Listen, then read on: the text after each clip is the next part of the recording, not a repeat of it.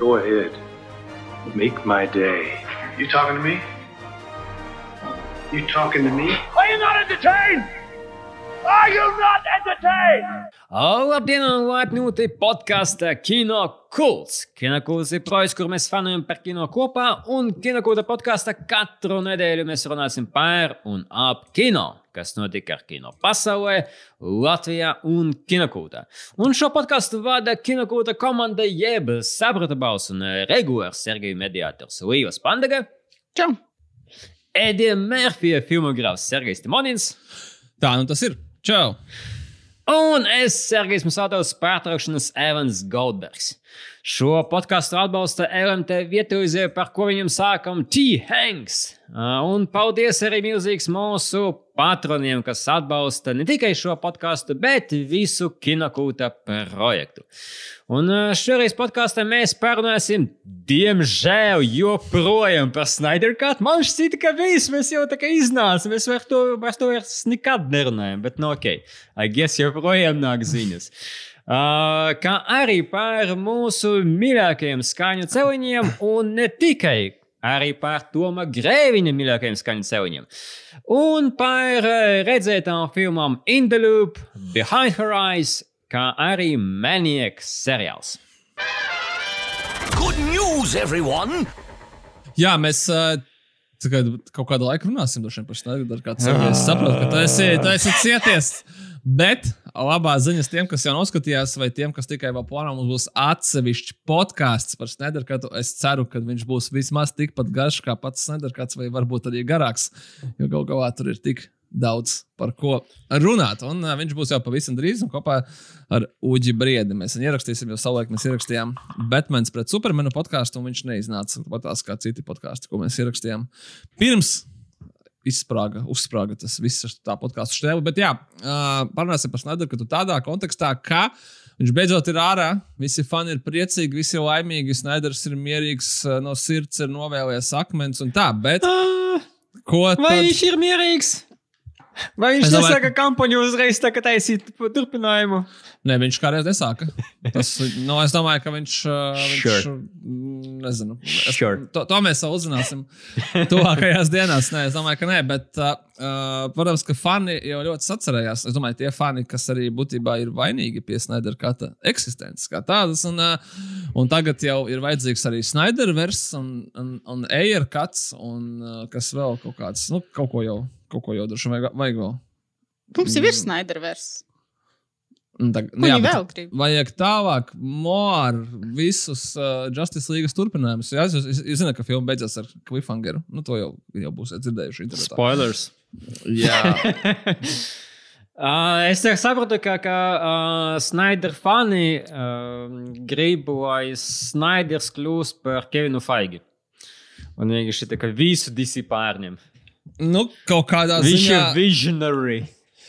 Zini, kā man liekas, kad atsagēties no tiem faniem, tur vienkārši jāskatās, cik ļoti skatījās to Snyder Cut un skatīsies, un cik viņš daudz nesīs labumu priekš tā HBO Max, tāpēc, ka nu, viss, jau, nu, viss jau ir tikai ciparos. Lai gan, cik es saprotu, ka viņš debitēja zemāk nekā Woman. To vismaz es paspēju kaut kur izdzirdēt. Uh, bet, jā, uh, Warner Media galvenais, galvenais boss Anna Sarnova tagad nesen sniedz interviju. Pateica, ka nekādas nenervēs nebūs, un Eira kāds arī nebūs. Es Žēl, David, ir, ja viņš pats tur beigas, nu šeit necepās par to, bet, nu, kāpēc, kāpēc gan nē, bet būs visādi jauni, jauni interesanti. Ne, ne jau gluži Ne jau tā, ka gluži ka viņš necepās, bet uh, viņš uh, uztaisīja screenshot ar tādu sad smiley face uh, pēc tam, kad uzzināja par šito ziņu. Viņš uzrakstīja arī, but why? Bet es arī domāju, but why? Nu, tad, tad viņi, tur īstenībā, jā, būs šādi jauni, interesanti varoņi, ja, piemēram, Zatāna no Promising Young Woman režisoras un uh, Melnēs Supermans un sinerģijas starp Warner Brothers un HBO Max un komiksiem, video spēlēm un vispār baigi forši viss būs. Un, un mūs gaida uh, gaišā nākotne bez uh, Snyderversa un ar visiem iemīļotajiem varoņiem. Īstenībā tas ir tāds savādi, tāpēc, ka man liekas, ka uh, viss jau, ko viņi darīja ar to Snyder katru, tikai tāpēc, ka viņi dabūja daudz uh, publicitātes, un līdz ar to, kāpēc viņi neizmanto un neiet ar to tālāk. Tāda kaut kāda ļoti jocīga, tāda kras, krasi noliedzoša atbilde, ka mēs neko tagad tālāk nedarīsim, un nebūs nekas tur tālāk, un forši. Nu, nosargai. Nu, tad, tad mini-renti, ja? Uh, par cik, nē, nu, viņi, okay, viņi ir paši vainīgi. Tāpēc, ka, uh, es cietos ar visiem Snaiderkat ziņām, līdz iznāca Snaiderkat. Uh, bet Ko tu tagad neesi noskatījies? iznācis, Kuru es, nu, es noskatīšos. Okay? Es noskatīšos, uh, un, un will be done. Ah, Vai arī tas uh, ir Snyder cut ziņas nāk līdz brīdim, kamēr es neskatījos Snyder cut. Jo tas ir ļoti labs motivators pēc iespējas ātrāk noskatīties Snyder cut. Ja tad tu vienkārši pats turpināsi runāt par to. Es tā domāju. Uh, man ir tad sekojošas problēmas uh, ar šito paziņojumu. Pirmkārt, tad, uh, konkrēti citāts par, uh, no, no Annas Sarnafas uh, par to, ka nebūs Snyderverse un nebūs Aircut, ka we will not tolerate this. Uz ko es saku, Anne, please! You did tolerate this. Tā kā jūs tikko to izdarījāt, ko tas nozīmē, mēs netolerēsim. Nu, jūs tikko jau atļāvāt. Un, un, uh, kad jūs sakat, jau- tagad. Jā, viņi atļāva, un viņi uz tā rīktīgi nopelnīja. Būsim godīgi. Viņi to atļāva tikai tādēļ, lai, lai kaut kādā ziņā nu, gūtu labumu priekš sevis, ko viņi ir jau visi guva. Atcerēsimies, ja kā Latvijā Snaider, kas maksā 13 eiro. Vai kur tu viņu nepirktu? Yes. no kurā no legālajām 12, platformām? 99. Jā, Es teiktu, ka no šī skatu punkta man šķiet, pat šis kaut kāds tāds eh, drusku gandrīz vai nepieklājīgi. Tā mēs neturēsim to tā didaktiski pateikt. Tīpaši tāpēc, ka tieši to pašu viņi teica pirms eh, trim, diviem gadiem, ka nē, nekāda gadījuma nebūs Snydercut, un tad nu, šeit mēs esam.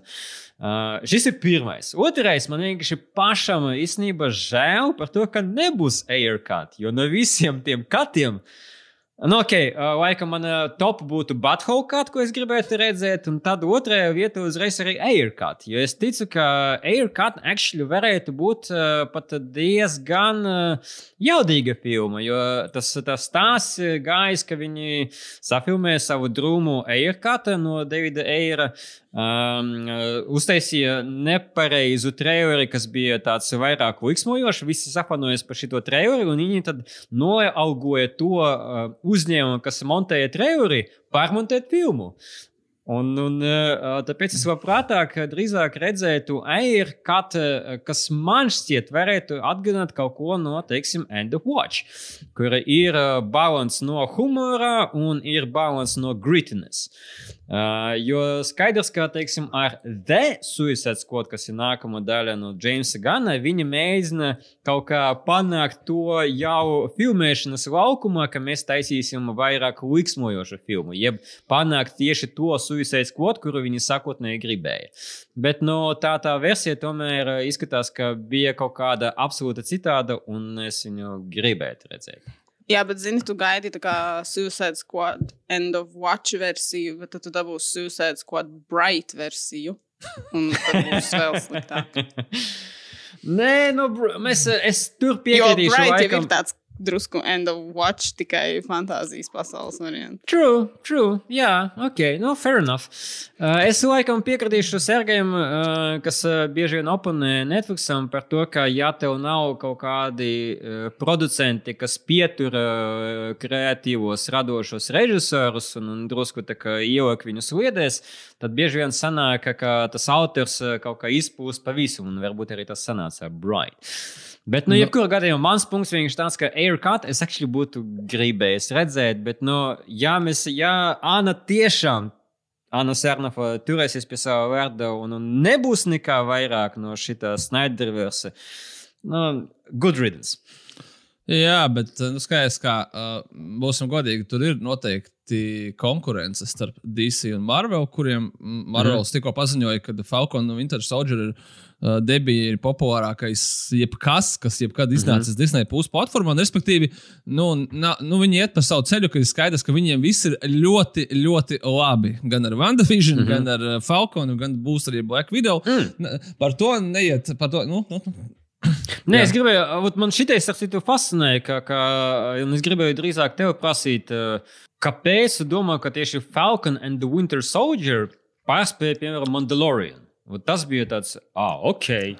Wow. Es domāju, ka tur ir kaut kas tāds, kad, kad pirmkārt viņš izskatījās pēc tādas tipiskas Marvel filmas. Viņš arī trailerā līmenī izskatījās, izskatās pēc tipiskas Marvel filmas, ar to domājot uh, Winter Soldier, Civil War. Kaut kas uz Avengers pusi. Uh, viņš neizskatījās tik weird kā Mandavision. Te pašā laikā es domāju, ka uh, vienkārši uz šo brīdi uh, gan Mandalorians, gan Mandavision uzbūvēja to Disneja bāzi, Disneja pusi bāzi vēl lielāku, mm. un cilvēki vienkārši jau bija gatavi. Nu, tas ir tāds vienkārši tāda aritmētiskā progresija, ka ne jau tāpēc, ka tieši Falcons, bet tāpēc, ka Falcons un tas, ka jau ir ļoti liela lietotāja bāze, kas ir lielāka ar katru nākamo viņu relīzi, un uz Mandalorian vienkārši nebija tik liela. Vai arī vismaz nu, skaidrs, ka viņu auditorija ir uh, vienādības zīme ar uh, MCU filmu auditoriju, kas ir, protams, tikai un vienīgi labās ziņas priekš viņiem Nu, pašiem.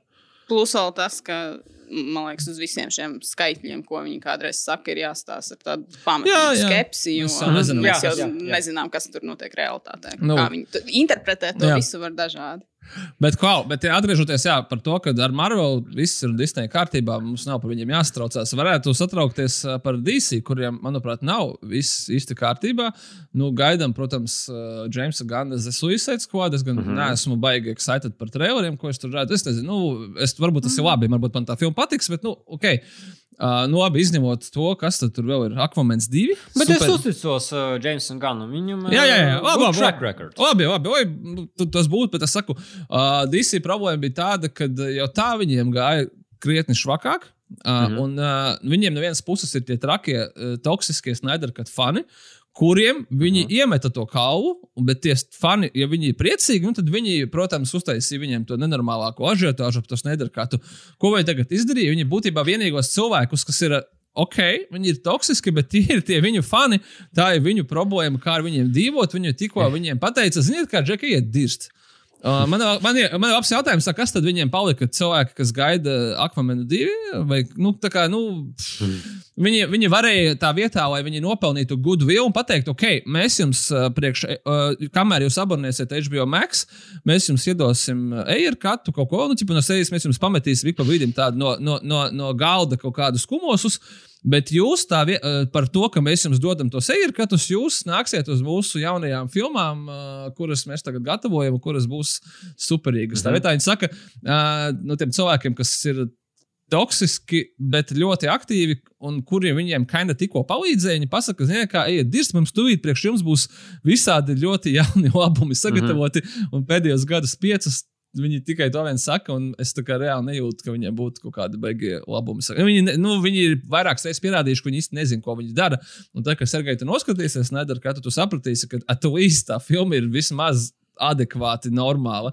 Un tur ir kaut kāda vīzija, patīk viņa vai nepatīk. Tāpēc, kad uh, nebalstoties uz manu viedokli, tur apsties internetā, ko saka, tur ir tā, ka starp to, ka tā vienkārši ir beidzot normāla Justice League, līdz pat tam, ka tā ir actually ļoti adekvāta superhero filma, kas nozīmē, ka Snyderam kinda bija kaut kāda vīzija un, un, mm -hmm. un sajēga, jo tas, kas ir bez viņa, tas ir kaut katrs uz savu pusi.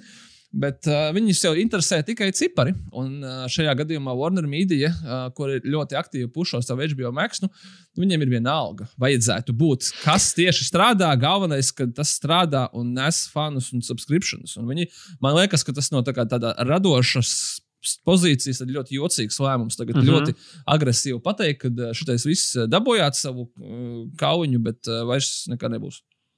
Vot, zini, kā man tieši likās uh, savādi, ka, ja jūs gribat iet uz HBO Max, ja jūs arī skatieties, uh, okay, ko dara Marvel, nu, nevis sanāca, kad viņi mēģina uztaisīt to, to vienoto pasauli, tagad viņi iet citu ceļu, taisa dimensijas, taisa atsevišķus stāstus, Joker, The Batman, whatever. Bet, uh, ja jums ir jau sagatavots kaut, kād, uh, kaut kāds stāsts, uh, turpinājums, nu, konkrēti Zakam Snaideram ir vīzija par tiem visiem Nightmare turpinājumiem. Kāpēc jūs nevarat uztaisīt vienkārši minisērijas? Nu, Exactly. Jā, tas nebūs filma, tā būs minisērijas, bet tā būs low scale. Teiksim, jūs varat pieaugot to scenāriju un uztaisīt Nightmare, bet nu, zemāku budžetu un palaist fucking astoņas epizodes gatavs. Un iedomājos, uzreiz viņi saņemtu cik gadiem uz priekšu kaut kādu vaiprātīgu aktivitāti sastīkos no tiem faniem, kas vienkārši dabūna to, ko viņi grib.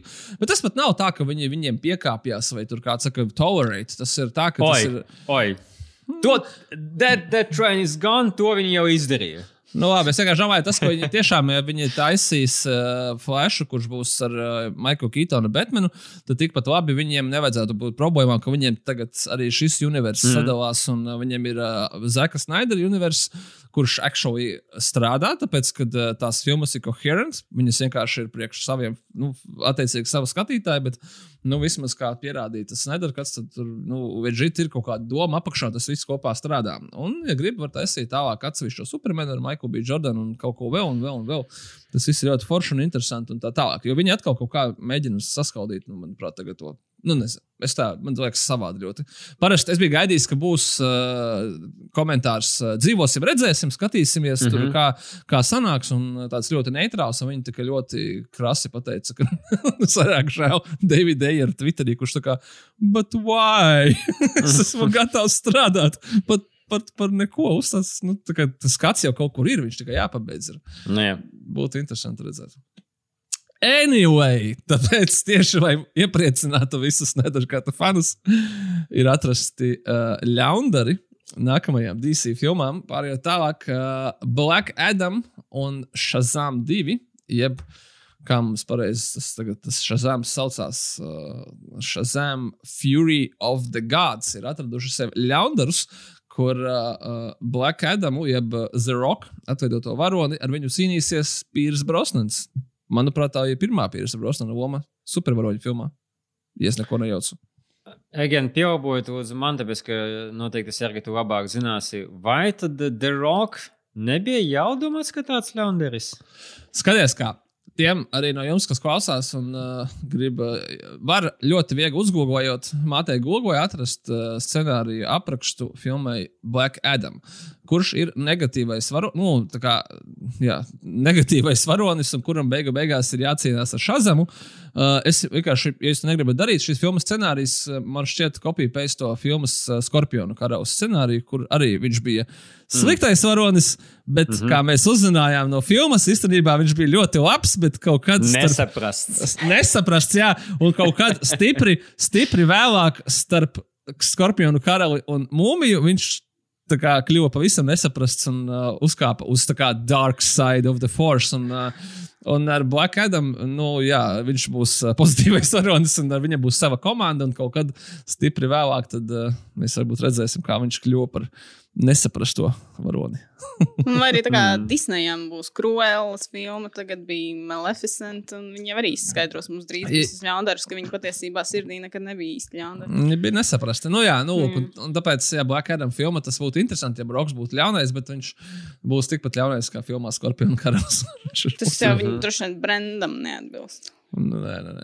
Nu, bet Piers Brosnāns gan būs ļaundaris, un uh, viņš atveidos personāžu, kurš man nav pazīstams. Tas personāžs saucās Dr. Fate, kas ir mans jaunais, mm. arī jaunais uh, čata niknējums, tur šeit kaut kur. kur, kur Jā, tu maini no Dr. Doom uz Dr. Fate? Nice.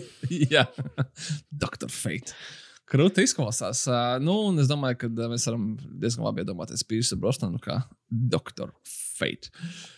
Kaut kad jau tūlīt filmēs, ja sekojam Rokam Instagram, tad es saprotu, ka aprīlī vai maijā viņš uzsāk filmēšanu. Nu, tāda nākamā lielā DC filma. Nu, redzēt, es tā, es tā pozitīvi skatos, man varbūt nav lielās intereses, bet es ar, ar, ar interesi pasakošu, kas tur viņiem sanāks.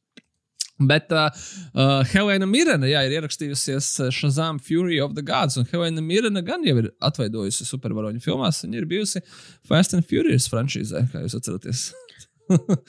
Tāpēc es domāju, ka tas ir ļoti, ļoti kaut kur līdzīgs stāvošs mm -hmm. stāvoš blakus. Viņa atveidos pilnīgi jaunu personāžu vārdā Hespera, kas nav DC mm -hmm. personāžs un ir izveidots tieši šai filmai. Es nebiju tā kā baigies sajūsmā par šo zemu. Nu, es saku, ne, negatīvi, bet nu, tas uh, ok. Nē, viņa bija ok. Viņa, zini, kā, viņa bija absolūti ok, bērnišķīga filma. Domāta uz, uz bērniem vecuma no, no 10 līdz 15. Uh, nē, nu, tādā ziņā, ne jau ka, ka es viņu neizbaudīju, es viņu izbaudīju. Es vienkārši saprotu, ka viņa tad ļoti uh, piezemēta, un ja es viņu būtu redzējis, teiksim, vecumā 13, 14, absolūti būtu vienkārši gada filma. Shazam indeed. Kopā ar Jumanji. Labi, ka yes. vairs nav 13. Tas ir interesants filtrs, ar kuru aizt uh, cauri. Ah, tā. jā, nu, teiksim, zini, kā es ļoti es šito filtru izgudroju, kad es skatījos G.I. Joe. Kad es skatījos G.I. Joe, es kā, ah, filma ir kinda me, bet ja es skatītos, kad man būtu 12, fucking hell, tā būtu mana mīļākā filma.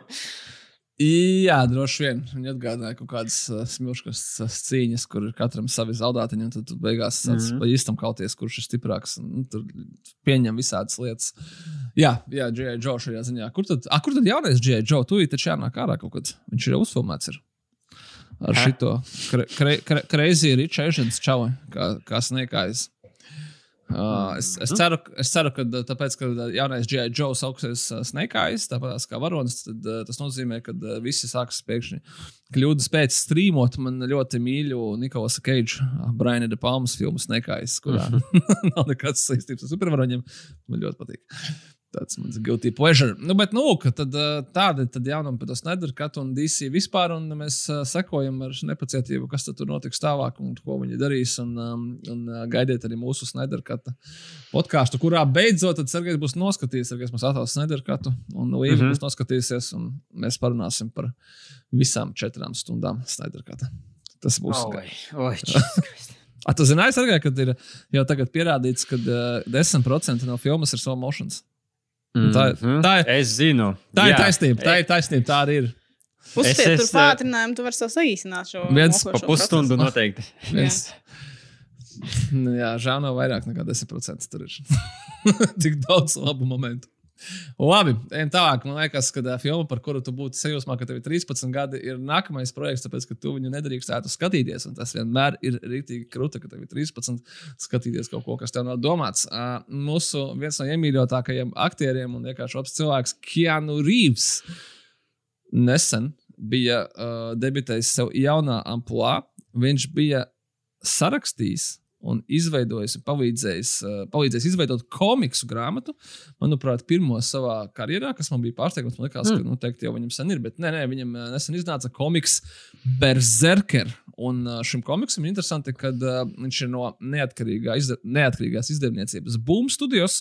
Un viņš uh, debitējot bija laikam pirktākais komiks. Uh, ASV pēdējos gadus, vai, vai kaut kādā mm. Ļoti, nu, respektīvi, tā kā rīktīgi liels hīts. Un nepagāja ne pāris mēneši, kā Netflix ir nopircis tiesības ekranizēt šo komiksu, un, protams, arī Keanu Reeves atveidot ga- galveno lomu. Tāpēc, kad es tagad skatos uz tā komiksa vāciņu, tur galvenais personāžs ir, protams, nozīmēts no Keanu Reeves ar, ar viņa to laiknes. Bet nu, skaidrs, ka citādi kāda jēga taisīt Keanu Reeves un komiksu, Nē. kur viņš nebūtu galvenajā lomā. Ja? Nu, varbūt viņš pateiks, oi, nejauši sanāca, bet ja jau izskatās, tad jau es varētu arī spēlēt. Uh, un uh, interesanti, jā, tas ir uh, komiks par kaut kādu nemirstīgo kareivi, kuram ir 5000 vai 8000 gadu, un tad viņš cīnās. visās- 80. 80,000 jau bācis. Rīktīgi, vecs čalis, karači, kā, un uh, viņš cīnās ar visu kaut ko, bet tagad viņš cīnīsies CIA labā, ja, vai ASV valdības labā.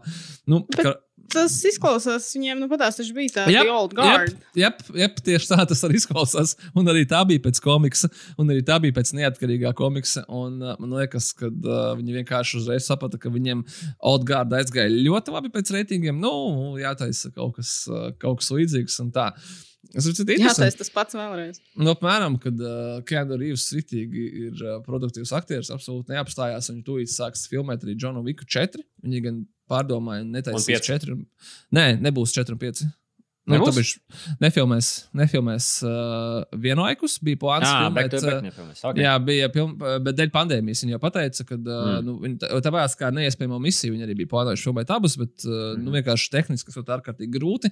Un uh, cik es sapratu, kad arī mainīts scenārijs un Džons Viks 4 notiksies uh, Londonā un Berlīnē, kur viņi arī viņu filmēs. Nice. Tāpēc, kad, uh, nu, Tur ir iespējams to darīt. ASV to pagaidām nav iespējams, cik saprotu, pilnvērtīgi filmēt. Līdz ar to, nu, vai palielināt, jau dažiem nav īsti starpības, kur tas notiek. Būsim godīgi. Nu, Nē, nu, man liekas, tā, tā jau parastā arī ir uh, tradi zin, tradicionāls ceļš uh, visām tām franšīzēm, un tagad mēs dodamies uz Eiropu. Viņš jau bija otrajā daļā, viņš bija Itālijā. Tur bija viss ļoti smuki. Kā, nu, es domāju, ka viss būs, viss būs kārtībā. Un, un, un gaidām gan Berzerkeru kaut kad Netflixā. Tur vismaz skaidrs, ka tā filma iznāks, un mēs viņu redzēsim kopā ar visu pasauli uzreiz. Gan arī Džonu Viku 4, un gan jau arī eventuāli arī. Pieci. Uh, kas vēl mums ir? Oh, es ļaušu tev, Sergei, izstāstīt, kurš vēl kino varonis atgriežas pēc uh, tri, 30, 40 gadu pārtraukuma. Cik viņam tur sanāk? Alrighty then. Uh, nu, tad uh, pagaidām, ok, pagaidām nav nekas apstiprināts. Varam to pateikt. Kā, kā Jims Kerijs varētu atgriezties uh, pie savas ikoniskas lomas uh, Ace Ventura. Um, tad, uh, to mēs uzzinājām no, sarunas uh, ar Park Circus, ar kuru mēs sadarbojamies, starp citu, veidojot klasiskos sensus. Uh, un pagaidām ir minēts, ka uh, Sonic the Hedgehog uh, rakstnieki, scenaristi uh, raksta arī Ace Ventura 3, nu vismaz pitcha līmenī. Vai tas rezultēsies? Nu, mēs zinām, ka bieži vien stāsta visu kaut ko, bet uh, vai nu, vai nu aktieris nepiekrīt, vai nu uh, naudas nav. Nu, redzēsim, vai, vai īstenosies, bet pagaidām šis nebūs, vai vismaz uh, netiek pozicionēts kā prequels, kā, kā, kā Son of the Mask vai whatever. Pagaidām tas tieši pozicionēts kā tieši trešā daļa. Tikko jau mums bija Edijs Mērfijs, noskatījās beigās sargai to Coming to America. Ah, vēl ne. Nu, tur ir, es, nu, man liekas, tas apstāsts piemērs, kā notiek, kad ir atgriešanās pie tik ļoti, uh, tik ļoti ilgāka laika, bet ne, ne, negatīvā nozīmē, protams, kad, mm. -hmm. kad ir dažādi.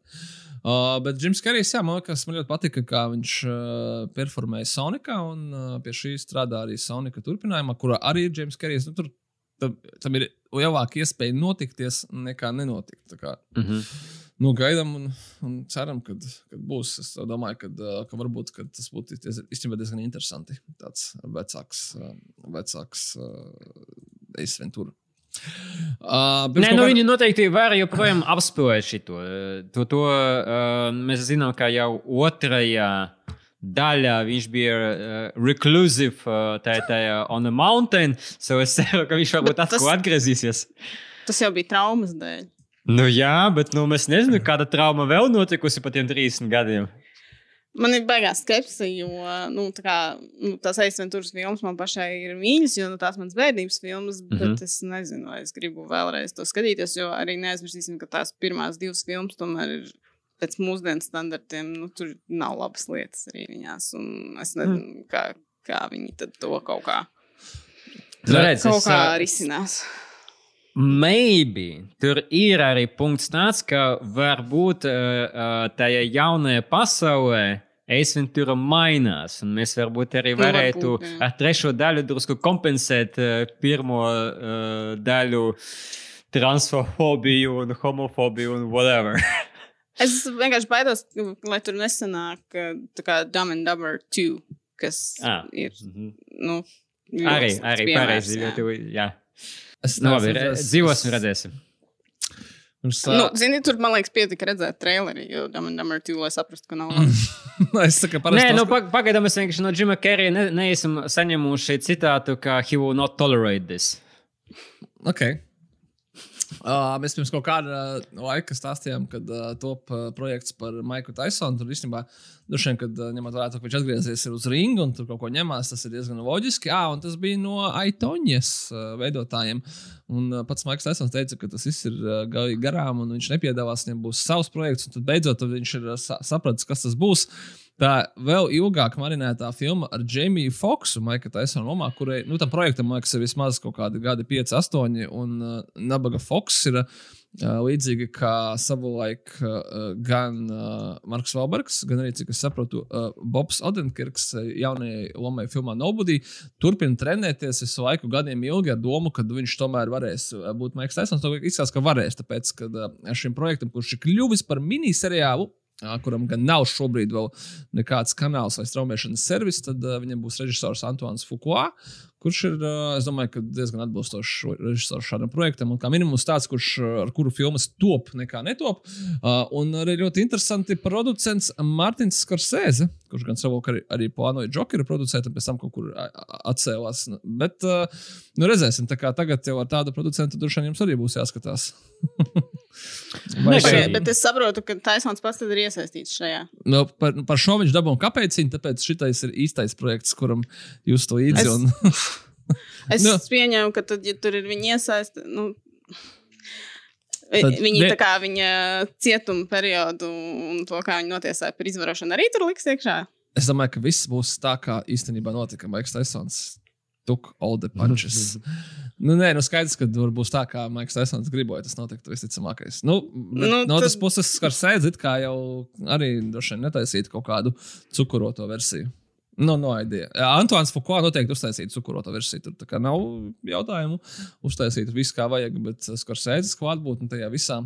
Bet, jā, kā es, es minēju par Jokeru, kad uh, Skorsēze palīdzēja filmai tapt, pēc tam viņš savu vārdu noņēma no titriem. Tad, kad viņa kā, tika, tika jau aizlaista produkcijā, vai uh, uzskatot, ka tas vairs nav nepieciešams.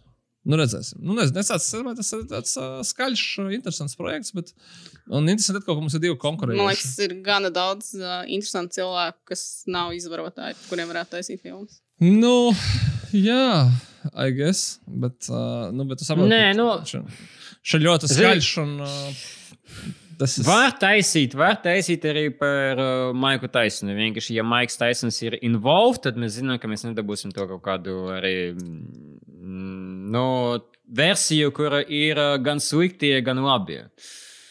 Nu, tas ir. Uh, tas būs interesanti salīdzināt. Ja jums vispār gribēsies skatīties kaut vienu no tām versijām. Dievs vai. nu, labi. Es domāju, ka es, es laikam paņemšu uz sevi šo. Uh, jā, nu ziņosim, kas tur notiks tālāk, ja vispār aizies. Vismaz Džeimijam Foksam kāds, kāds prieks, ka nav viss trenēšanās uh, vējā. Uh, kas vēl? Nu, par kaut ko varbūt priecīgāk. Jā, izstāsta Sergei par to, ka uh, Stevens Spilbergs sadarbosies ar Setu Rogenu. Tā būs pirmā reize, kad sadarbosies.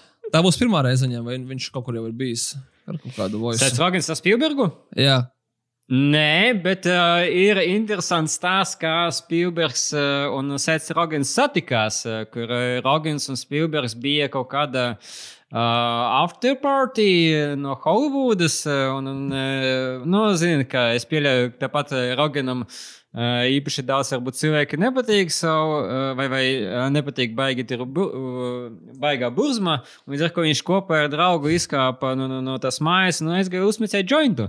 Smēķēja jointu un pie viņa nāk Stevens Spielbergs. Un viņš tā kā pagaida, ko man darīt. Man tā kā turpināt, vai arī man paslēpt, kā, kā, pie, kā, kā vecākais nāk.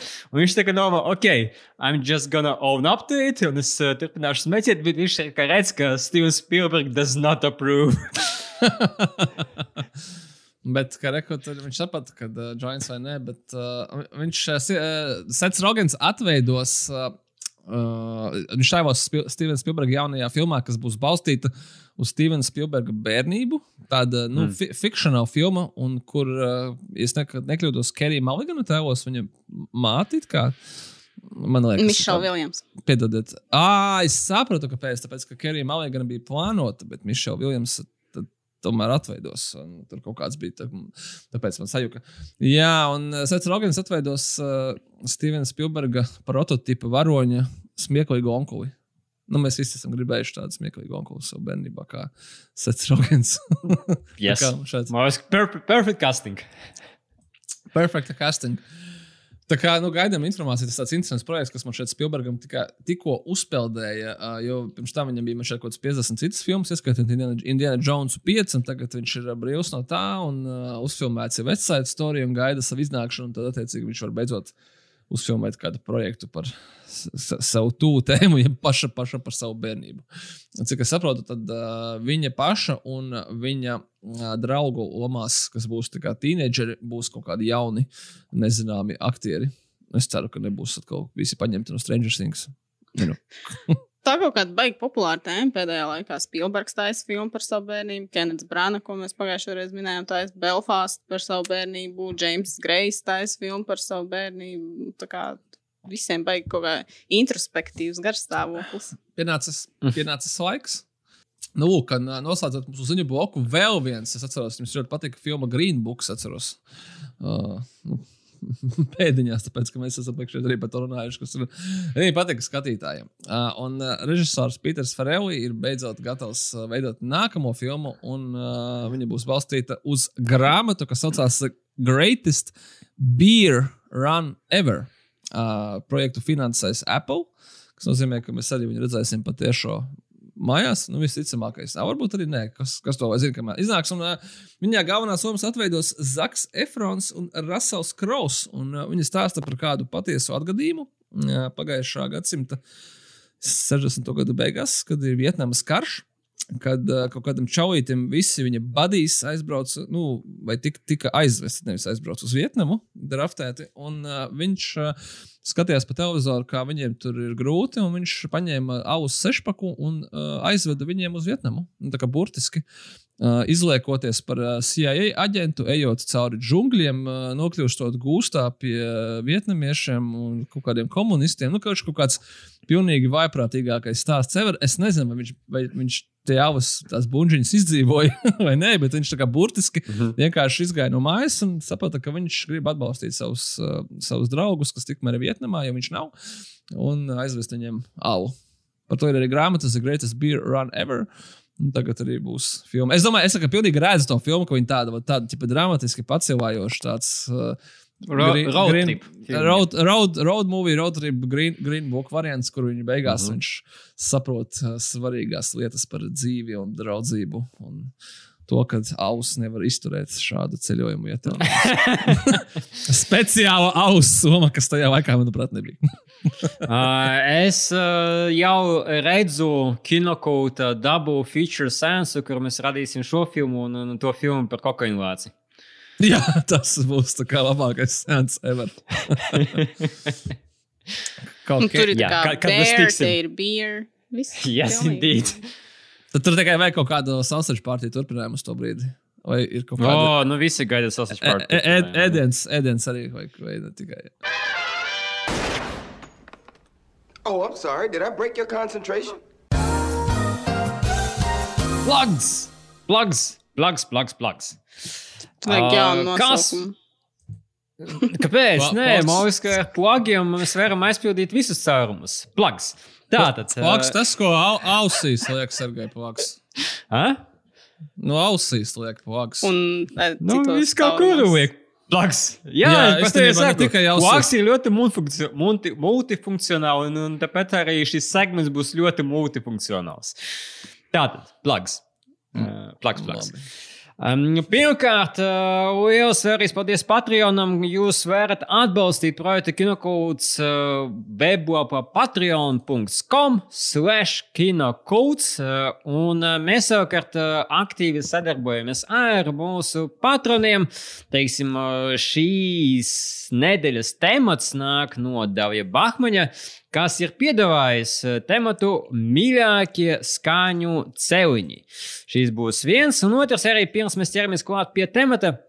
Pateikšu, kā kļūt par Patreonu šobrīd ir īpaši izdevīgi, jo mēs izdomājam, ka uz mūsu nākamo viktorīnu, kas būs Marvel Cinematic Universe viktorīna, mēs savukārt eh, ļausim mūsu patroniem piedalīties absolūti bez maksas. Tāpēc eh, vai nu jums, kā Marvel faniem, ir iespēja nopirkt, eh, nopirkt eh, biļeti vai, vai virtuālo biļeti uz viktorīnu online pa 5 eiro, vai arī pa 5 eiro var piebiedroties mūsu patroniem un, un atbalstīt projektu Kinokūts. Izvēle ir jūsu. Bet atgriežoties pie mūsu temata, jā, paldies Dāvim par piedāvājumu. Mūsu temats šoreiz ir mīļākie skaņu celiņi. Ā, Es laikam iesākšu ar to, ka man būs Atvaino, ļoti sorry, maz. at, Ja? Atvainosies, atvainosies Dāvim, ka mēs sadalījām viņa tematu uz pusēm. Par, uh, score, soundtracks un scores. Tāpēc, ka uh, nu, jā, tur nevarēja, diemžēl, citādāk. tā kā viņš ir, uh, var, viņu var apsveikt, ka viņa temats būs uh, divas reizes. Uh, jeb šoreiz mēs runāsim tikai par score, bet noteikti kaut kādā brīdī parunāsim arī par soundtrackiem. Un uh, es, ja godīgi par soundtrackiem, varbūt pat uh, varētu vairāk ko, ko runāt, jo par scores man tiešām ir tik maz ko teikt. Jums ir daudz, daudz plašāk, cik saprotu, sagatavots saraksts. Uh, man prasīja arī kaut kādas piepūles, vispār atcerēties, ok, kuras skurs es varu atcerēties, kā skan, un visas tas, principā, arī ieliku pie sevis. Uh, topā, nu, you know, tāpēc, ka es atceros. Uh, es teikšu tā, ka man pašam personīgi ar mūziku, uh, nu, tādas vēsas attiecības, es nesklausos viņu saudzinoši reti. Uh, Tur pretējā puse savukārt ir tāda, ka uh, visus tos albumus vai, vai mūziķus, kurus es sāku klausīties, par tiem es uzzināju tieši no filmām. Teiksim, es klausījos Portishead, tāpēc, ka es uh, dzirdēju Portishead uh, seriāla Lost marketinga video. Vai Massive Attack bija no seriāla House Introduction. Uh, un, un Prodigy, protams, ir no, no filmas Hack hackers. Uh, bet, bet par uh, scores, jā, kā, kā jums gāja šī uzdevuma? Gāja drausmīgi. Tāpēc, kā mans saraksts bija, no kā izvēlēties 70 filmu. Nu, tur arī pat pāris seriāli garš. Un es tagad vēl zinu, skatos, un ir grūti, jo man sāp sirds, ka es kaut ko noteikti nepaspēju pieminēt. Un, kā, nu, šis no vienla, vien, vienlaikus ir labākais temats un sliktākais temats uz pasaules. Oi, Dievs! Pieļauju, ka Sergejam gāja līdzīgi. Ja? Jā, es uh, klausos ļoti daudz skors. Uh, ļoti daudz skors. Man ļoti patīk, man ir, uh, man ir drausmīgs garš saraksts. Nav tik garš kā Līvai, bet uh, Man ir uh, albumi, scores, un man ir tēmas, un man ir komponisti, kuriem patīk atsevišķas tēmas. Man ir, uh, ja kāds seko Spotify, tad droši vien katra otrā dziesma ir kaut kāds score. Jo sportojot un skrienot, tas praktiski tikai klausos, un tas man šeit ļoti motivējoši un krūti. Un, un, uh, Forši, jā, jā, man ir ļoti, ļoti, ļoti daudz visau kādi ieteikumi. Laikam, no. šim mums vēl būs saruna. Nē, es, tieši, es tieši piedāvāju, arī varbūt eh, šoreiz darīt tā, ka saruna būs vairāk starp jums, un eh, ja jūs nosauksiet kaut ko, kas man ir pierakstīts, tas vienkārši šis bija mans sarakstā. Un tas ir principā vienīgais komentārs, ko es varu pateikt par to. Okay. Tā kā sākam, Līva, ar tavu milzīgo Sāc. sarakstu. Nē, nu, labi, lai kaut kādos rāmjos tas viss turētos, es palikšu pie kaut kāda plus-mínus mm. piecinieka. Uh, tāpēc kā piekto es nosaukšu filmu If Beale Street Could Talk, un tad tā stāvēs kā tāds, kā tāds, tāds simbols komponistam Nikolasam Britalam, kuru es esmu noteikti arī šajā podkāstā kaut kad jau pieminējusi. Man šķiet, arī to starp If Beale Street Could Talk sakarā. Viņš ir arī sarakstījis uh, mūziku citai Berry Jenkins filmai Moonlight, un arī, ja nemaldos, viņu pirmajai filmai, kuras nosaukums tagad gan nepateikšu. Viņš ir arī sarakstījis mūziku seriālam Succession, kas gan ir noteikti kāds 150 reizes pieminēts šajā, šajā podkāstā. Bet šajā raidījumā vēl nē, tā kā. Nu, pirmo reizi vajadzēja, jā. Un, un, un, un, bet, bet, bet If Beale Street could talk, laikam no šiem visiem man tomēr pat ir vismīļākā, jo tā tomēr kaut kā ļoti komplementē to filmu, tāda izjusta un, un, un, un brīžiem gaisīga, brīžiem rotīga, bet arī vienmēr ļoti smeldzīga. Nu, tā kā perfekti ilustrē to stāstu. Jo tas, kā, kā es skatos uz vispār šiem skaņu celiņiem, uz, uz komponēto mūziku, jeb score, tam ir kā, nu, jākomplementē to, kas notiek uz ekrāna. Jo nu, reizēm ir kaut kāda, tu skaties filmu. Mūzika tev vienlaikus ir jāpamana un, un nav jāpamana. Manuprāt, tam ir jāstrādā perfekti kopā, kā, kā, kā cīnām ar roku. Un tad, kad ir kaut kādas tās, tās, tās starpības, kur tu vai nu mūzika nestrādā, tāpēc ka viņa ir vienkārši neinteresanta. Teiksim, es zinu, kas par šo čīkstēju filmas uh, The Trial of the Chicago Seven sakarā, kur bija nu, aktīvi traucēja tas, cik tā mūzika man likās prasta. Vai arī reizēm, ka kaut kas ir pārāk kā bijis ekstravagants un neiet kopā ar to stāstu. Bet uh, Nikolas Brītā gadījumā un Bill Street tā gadījumā tas viss iet perfekti kopā. Un Britāls, man liekas, ir tomēr arī tāds salīdzinoši jaunais talants. Tā, no viņa mēs noteikti dzirdēsim mūziku vēl daudz, daudz un ilgi. Un uh, tiešām, tiešām brīnišķīgs uh, komponists un skaists, skaists melodijas viņš raksta. Uh, visas mūzikas, visas šos, man liekas, komponistus, visas filmas, ko es minēšu, man ir arī kaut kur ikdienas Spotify rotācijā. Man nav tā, kā, kā Sergejs Timoņs teica, ka viņam ir kaut kāda nu, skriešanas saraksti un tam līdzīgi. Man viss ir vienā tādā lielā blāķī, kas saucās Liked Songs. Tur ir tāds pilnīgs kišmišs, bet tur arī pa brīdim ir pa vidam kaut kādas uh, dziesmas no filmām. Un tad uh, no If Beale Street Could Talk tur arī ir vairākas melodijas. Un uh, rekomendējam noteikti vēlreiz filmu. Mēs to esam vairāk kārt darījuši. Un arī paklausieties pēc tam to albumu. Ļoti, ļoti skaists. Un nosieties Succession, jo tur ir viena no labākajām uh, kā, tēmas mūzikām uz pasaules. Mm -hmm, mm -hmm, mm -hmm. No, lūk, tāpēc ļoti labs segvejs Līva, kad um, es vispār nespēju atdalīt tādā absolūti, kā pasaka, nu vienkārši ne, kino, piemēram, atdalīt uh, kaut kādas uh, filmas, bet, bet vispār kino kā tādu no, teiksim, galvenajām tēmām. Uh, kuras tur skan. Man liekas, tā ir pilnīgi neiztrūkstoša sastāvdaļa. Tā ir daļa no pieredzes. Tas ir kā everything. Tā kā tās filmas būtu, nu, es nezinu, kā viņas varētu neskanēt. Nu, tā kā uh, ir reizēm vienkārši... tā, ka tā kā, tu vari skatīties vai filmu, bet, ja viņai ir laba mūzika, tad tev būs kaut kāds krietni lielāks prieks to skatīties. Un, kā, kad, ka mūzika var pacelt par to pieredzi krietni augstākā līmenī. Mm -hmm. Tā ir piemēram Daniels Pembertons un uh, Santraks Karovam Arturam Gairīšam. It kā, bet tajā pašā laikā man ļoti patīk arī filma. Tāpēc pati par sevi. Varbūt tāpēc, ne, ka te ir brīnišķīgs sanikums. Es saprotu, ka sakā reizē man liekas, varbūt ir pat grūti arī nošķirt to, cik tas muzikālais efekts ir devis tam piedzīvojumam klāt. Un tad varbūt izbaudi to visu tik lielā līmenī tieši tā komponista dēļ. Un, jā, jā, varbūt skrienot pa priekšu, mazliet. Mēs noteikti nākamajos, nevaru teikt, ne, nesolam, ka nākamajā, bet nākamajos uh, podkāstos izrunāsim, piemēram, ka tas nav nekāds pārsteigums, ka, piemēram, kaut kādi Pulp Fiction vai Transporting soundtracki vai The Crow, kas ir absolūtākie dišpārdokļi, nu, ka viņi ir, viņi ir ikoniski kopā ar filmu. Un, nu, tur viens bez otra nevarētu eksistēt, un otrādi.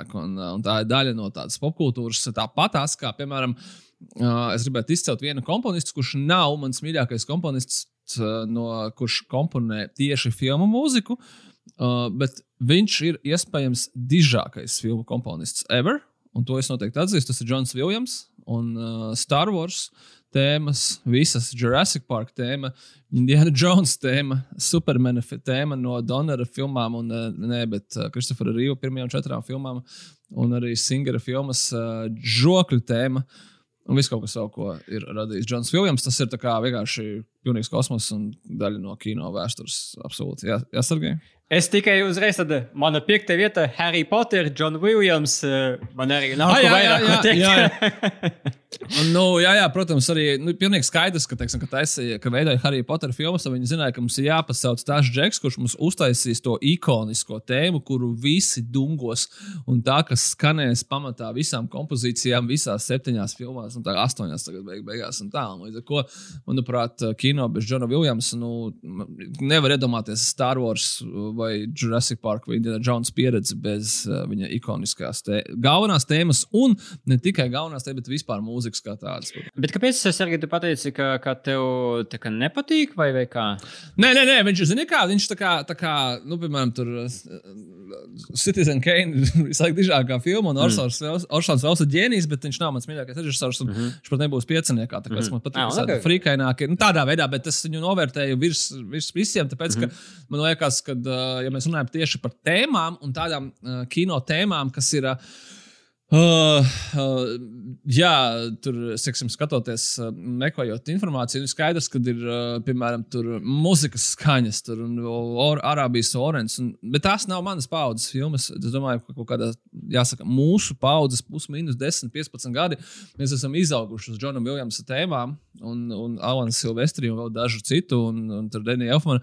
Tas ir, tā, tas ir tas, ko nevar izņemt ārā teiksim, no mūsu kino pieredzes. Mm -hmm. un, uh, un tāpēc priekš manis viņš ir. Nu, dižākais ir skaidrs, ka iespējams kino vēsturē bija citi, kas bija produktīvāki. Un vēl mums tur ir, piemēram, Lavola Šifrins, tam ir fantastiskas tēmas, ir 60. gadu filmām, 70. gadu filmām mm -hmm. un tā. Bet, bet nu, no mūsdienu komponistiem, kur mēs esam izauguši, es domāju, ka mūsu paudzei, un plus mīnus vēl vairākām pirms mums un pēc mums ir Džons Viljams, kas ir definējis, kā skan kino blockbusters. Nevis tur, piemēram, kāds mazāks kino, bet tieši kā skan šitais lielais Hollywoods uh, vērienīgais kino. Mm -hmm. nu, tas, jā, man piektajā vietā ir Harijs Poters, jo tā mūzika uzreiz. Uh, tik līdz sāc viņu klausīties ārpus filmas, tev vienalga atgriež vai atgriež drīzāk atpakaļ pie, pie tās sajūtas, ka tu skaties to filmu. Viņa ir tā maģiska sajūta. Un, un tas, ka Džonam Vilsam mēs varam uz sitiena, teiksim, uzdungot zvaigžņu karus vai Indiana Jonesu, tas ir, protams, tā konkrēta, nesaistīta pat ar filmu, bet tā konkrēta skaņu darba nopelns. Un, un vēl mākslinieks, ka tu nepieminēji, bet Home Alone arī. Nu, tā kā tu vari var uzreiz iedomāties. Es pie Potira tikai pieminētu vēl, ka Džonam Viljamsam ir pirmo triju daļu score. Un, protams, arī tēma atgriežas visu laiku un, un miksēta, bet man arī iepatikās septītas, astotas daļas mūzikas pavadījums, kas bija no Aleksandra Desplā, kas man liekas arī bija savukārt labs papildinājums tai franšīzei. Un tad no Desplā arī ļoti patīk dzirdēt skaņu darbus viņu kopdarbā ar Vesu Andersonu, kam viņš bieži vien taisa arī skaņu ceļus.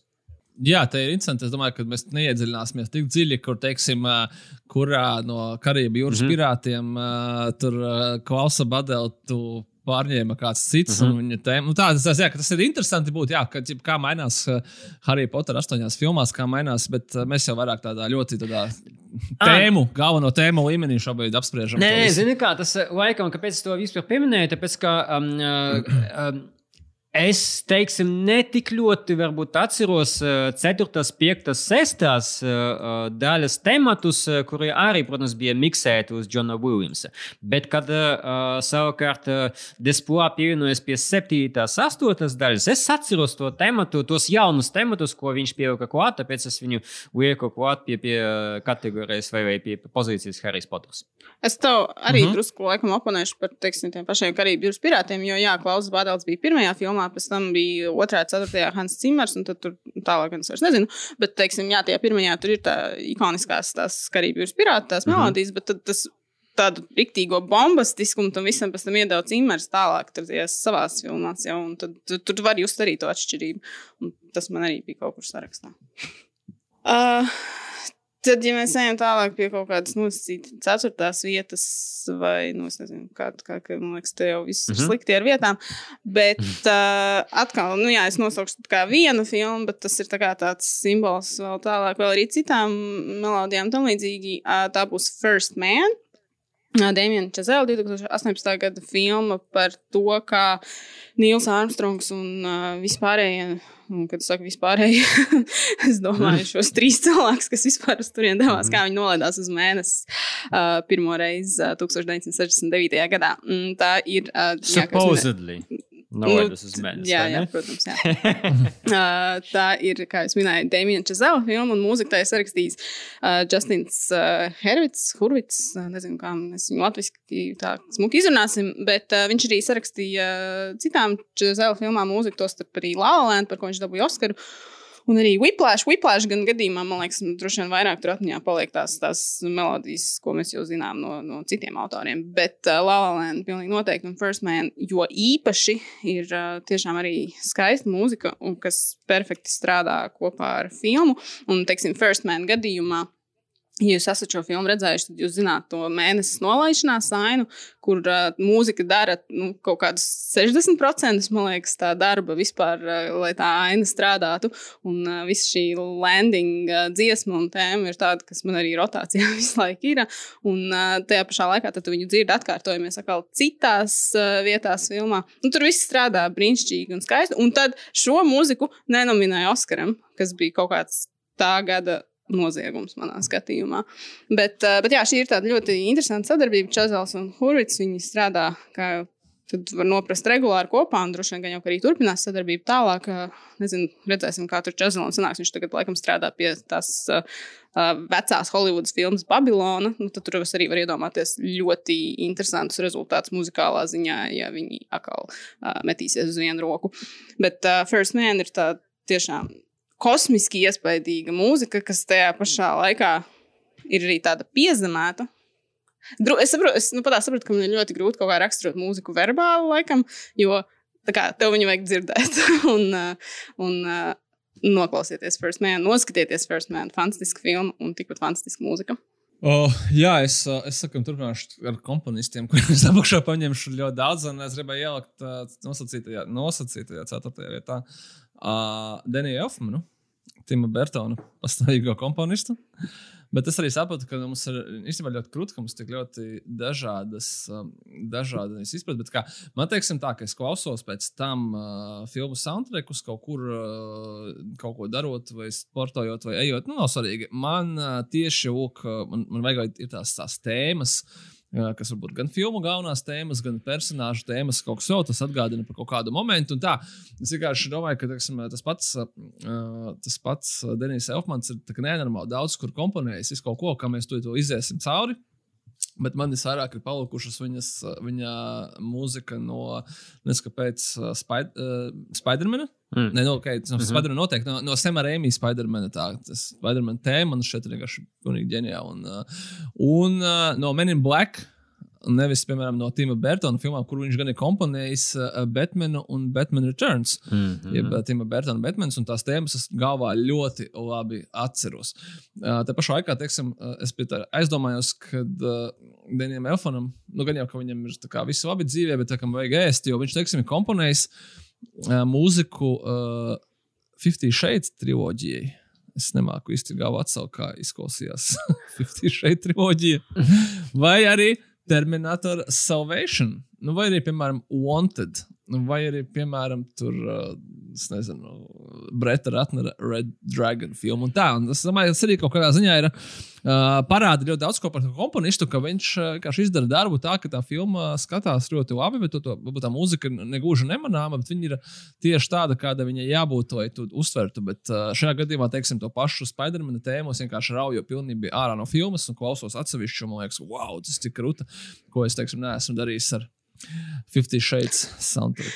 Ar Elfmanu tas tieši ir interesanti, ko tu minēji. Jā, jo viņam ir tas ļoti specifiskais stils, ko tu bieži vien atpazīsti. Tā ka tu pat nezinot, ka tas ir Elfmans, var arī pateikt, ka tas ir viņa sarakstīts, bet tajā pašā laikā viņš māca viņu nomaskēt. Jo ir tās filmas, ko tu jau arī minēji, tās pats Fifty Shades un kaut kāds cits, kurām tu kurus tu skaties, un tad tu tikai uh, ieraugi pie titriem, vai sākumā, vai beigās, ka tur ir Denijs Elfmans bijis patiesībā. Un tad ir tāds pagaidiet, ko? Jo hmm. tā kā, jā, viņš tāds tā kā viltnieks beigās patiesībā. Viņam nav tikai tas, tas viņa, tas, nu, tas tāds rotaļīgais stils, ar ko mēs viņu parasti asociējam. Mm, uh, bet uh, es domāju, ka. Vai ko viņš arī nedarīja savā dzīvē, un cik daudz Tima Burtona filmas viņš neieskaņot. Piemēram, viņam bija Dumbo mūzika, nu, viss kaut kas viņam bija bijis. Nu, Lai ko viņš arī darītu, viņš vienmēr paliks atmiņā kā Simpsona galvenās tēmas komponists. Kuru mēs uzreiz varam atcerēties sev galvā. Un, jā, nu, Nē, no 30 gadi, protams, jā. Uh, starp citu, uh, ļoti interesanti, jā, ka viņš sadarbojas ar, ar Timu Bērtonu ļoti daudz un ar Semu Rēmiju. Patiesībā uh, Sems Rēmija viens no tiem, kas viņu kaut kādā ziņā atklāja.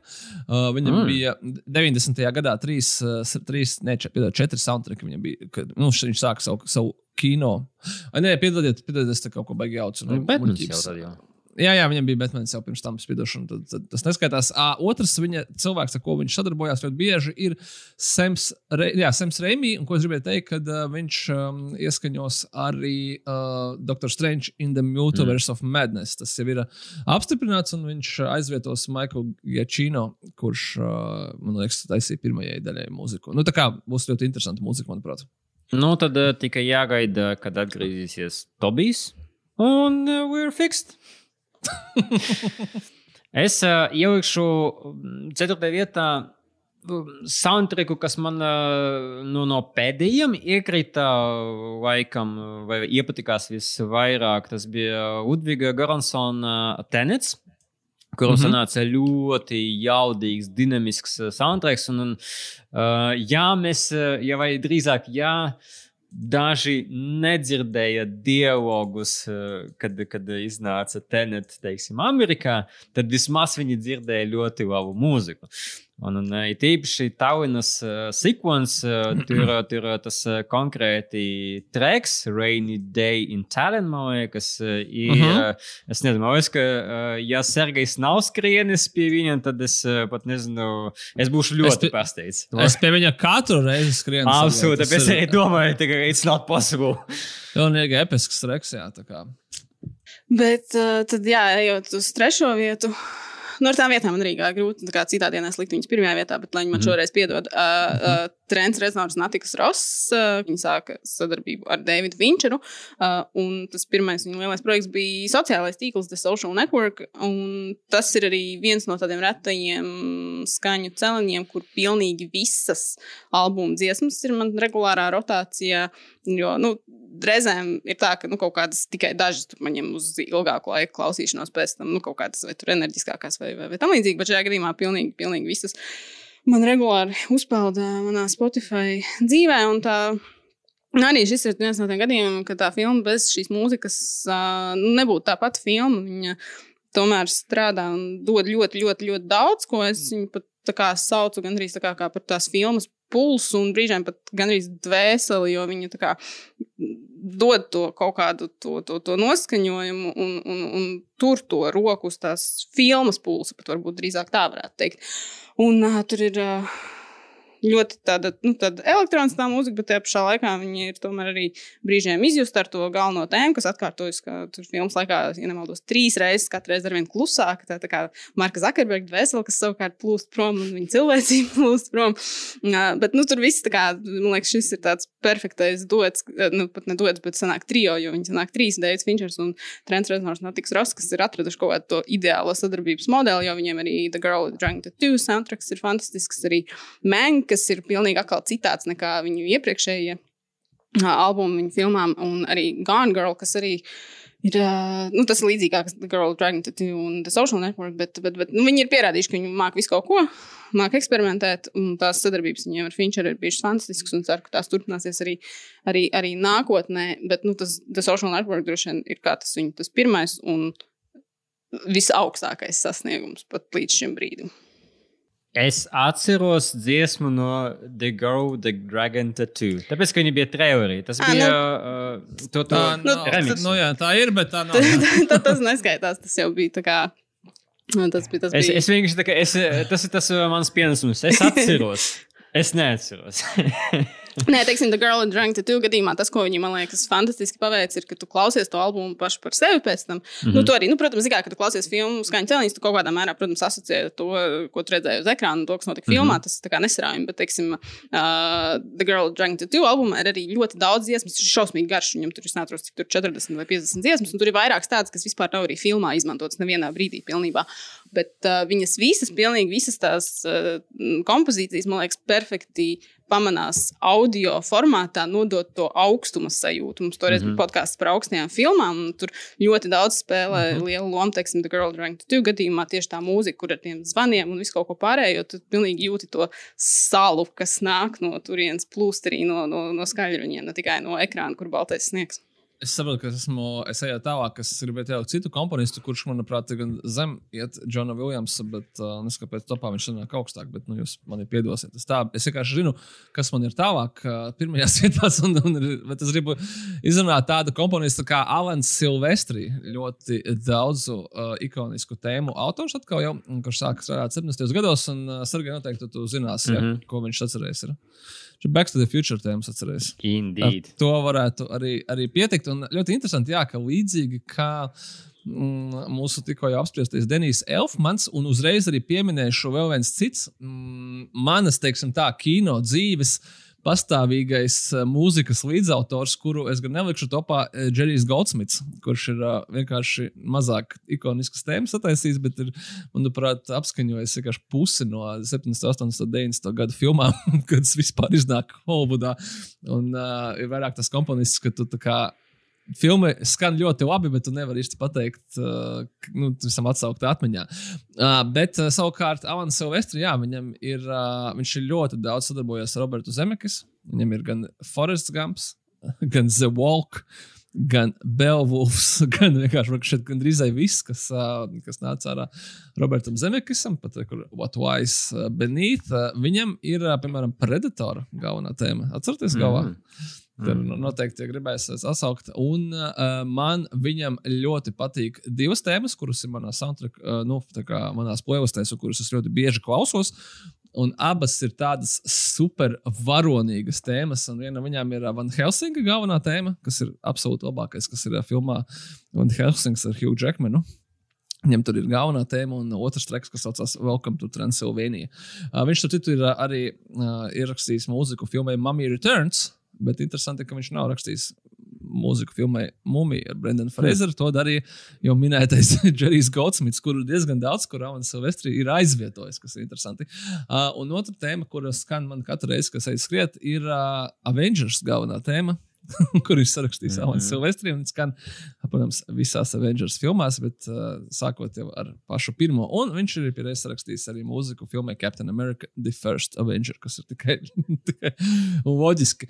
Uh, bet, jā, bet tas, cik Alans Silvestri ir produktīvs, uh, saka tas, ka viņš ir rakstījis arī tādu uh, mūziku tādām brīnišķīgām filmām kā Silvestris Stallones Stop or My Mom Will Shoot kuru ne, ne tikai mūziku neatcerās, bet arī filmu par laimi, un arī Judge Dredd, uh, Čaka Norris. Es atceros plakātu. Es nezinu, kāpēc, bet Jā. es tā kā stopur mājumu šūt, es tā kā plakātu ļoti labi Es atceros. kaut kādā dīvainā iemeslā pēc atceros arī to filmu, jo tā bija, man liekas, viena no tām filmām, ko tad, kad es biju vēl tāda salīdzinoši jauna, daudz rādīja pa televīziju kaut kāda iemesla pēc. un es Viņi maksāja lēti. Nu, visticamāk, tas ir tas iemesls, jā. Bet viņi bija regulāra TV kanāla rotācijā arī. Un tu tikai tā kā ākal šī to rāda.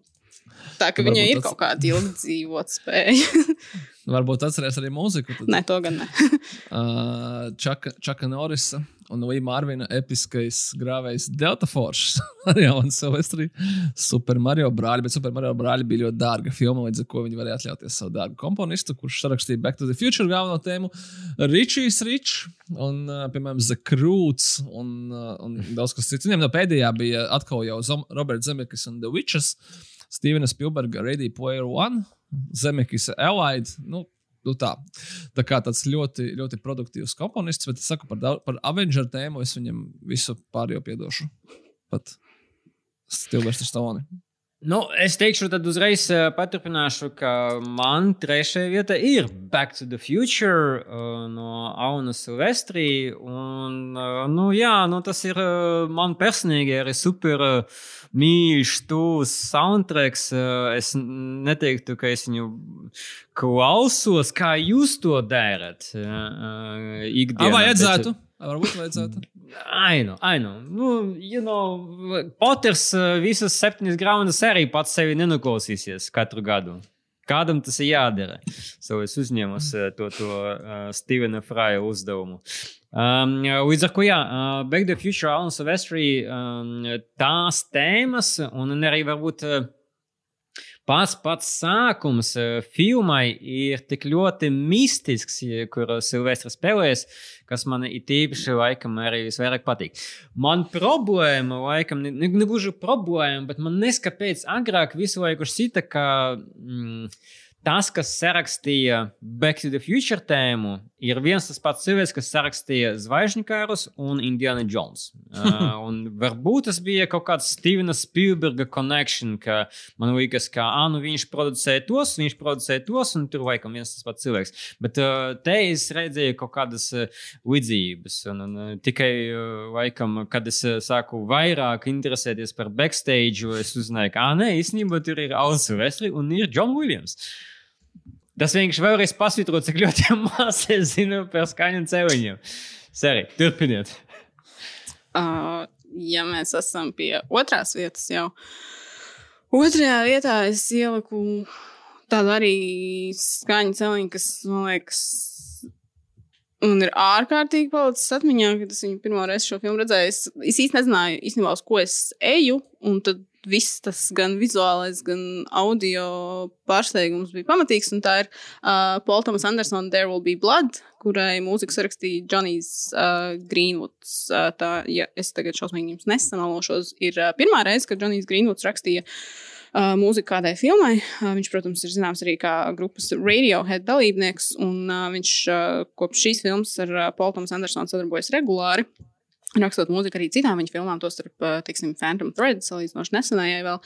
Bet uh, to kaut, kādu, kaut kādā mērā pat brīžiem kakofoniju, ko viņš tur sabūra filmai There Will Be Blood. Es neaizmirsīšu nekad. Uh, tā mūzika, viņa nav tāda. Nu, šī gan nav tāda, ko ikdienā šausmīgi daudz klausītos, jo viņa ir tāda nu, nepatīkama un greiza. Nu, ļoti apzināti, protams, un uh, skaļa un brīžiem gandrīz vienkārši troksnis, bet tas uh, perfekti strādā ar šo brīžiem arī ļoti nepatīkamu un tādu neērtu un kādā, es pat nezinu, kā noraksturot tādu abrazīvo filmu, ka tas viss kopā iet uh, vienkārši nevainojami. Un, ja jūs zinat šo filmu, tad jūs noteikti atceraties to ainu aptuveni filmas vidū, kur, kur, uh, kur liesmās uziet uh, šis uh, tornis, kur viņi to naftu un kā, no zemes dzīvēm mm. rauj ārā. Un tad tas muzikālais pavadījums, kas tur skan ar to, nu, tas sāk brīžiem var raksturot gandrīz kā troksni, bet tā ir mūzika un tas strādā vienkārši nevainojami. Un arī šis, man liekas, ir tāds Paulsons Andersons un Džonijs Grīnvuds, viena no tām tādām ideālajām sadarbībām, kur viens ir atradis sev perfektu domu biedru un tad viņiem sanāk brīnišķīgi rezultāti. Bet arī jā, šajā gadījumā līdzīgi kā ar sociālo tīklu. Tas, tas, tā pirmā sadarbība, man liekas, ir tāda visiespaidīgākā un, un noteikti ir vērts paklausīties to albumu pašu par sevi. Viņš nav tāds, nu, tā nebūs tāda mierīgā fona mūzika, ko es uzlikšu, ko, ko, ko, ko pastrādāšu, jo tur tie, tie, tie, tie trokšņi un skaņas izlauzīsies cauri kādai citai koncentrācijas, kādām citām koncentrācijas spējām, kas tev ir. Bet uh, reizēm gribas arī kaut ko tādu neērtu un varbūt ne tādu estētiski baudām, bet ļoti, ļoti interesanti. Un šis noteikti ir viens no tādiem gadījumiem. Nelasiet gan to grāmatu, kā ir balstīta tā filma. Tā gan ir drausmīgi garlaicīga. Es viņu izlasīju vienreiz. Nē, nu, ja tu tā saki. Nē, tikai tur tā problēma bija tāda, ka Pauls Andersons to stāstu bija paņēmis no kaut kādas grāmatas. Tur pirmās sākuma daļas drusciņu, tad tur aiziet pilnīgs ārprāts. Pie, lai, lai man piedod aptaunas Sinklērs, bet nē. uh, es ielikšu kā otro Iespējams, komponistu, ko vajadzētu likt arī kā pirmo. Viņš ir mierīgi, varētu būt, bet, uh, bet subjektīvi viņš man ir uh, gandrīz pirmais. Uh, gandrīz neskaitās. Jā, nu, Enija Marikone, uh, kuram ir uh, fantastiski skaņu celiņi un gandrīz simts gadus ilga karjera, un kas tik viņam nav. Bet nu, visvairāk mēs atcerēsimies, laikam, pēc tomēr dolāra triloģijas. Bet eh, ļoti interesanti dažreiz ir palasīt, eh, paskatīties Enija Marikonas filmogrāfiju un, eh, teiksim tā, atklāt priekš sevis, mhm. kurām -hmm. vēl filmām izrādās viņš ir sacerējis muziku. Nu, respektīvi, tas nav tikai, kur Klints Īstots sašķēla acis un, un pagrauž cigāru un tur. Tun, tun, tun kas bija man arī ļoti ilgu laiku, uh, kā polifoniskā melodija 33. Nokia. Visi zināja, ka tas ir Sergeja telefons. Viņš zvana, kad tur ir tas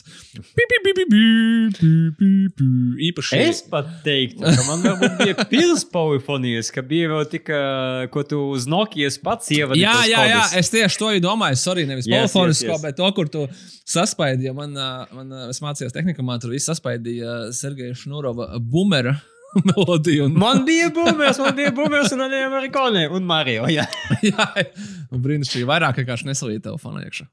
Tad tur ir kaut kādiem cipriem. Vajadzēja rotēt. Vajadzēja rotēt. Uh, bet forši īstenībā bija labu laiku, varēja pašam sev ierakstīt. Morikoni savā 33. Nokijā.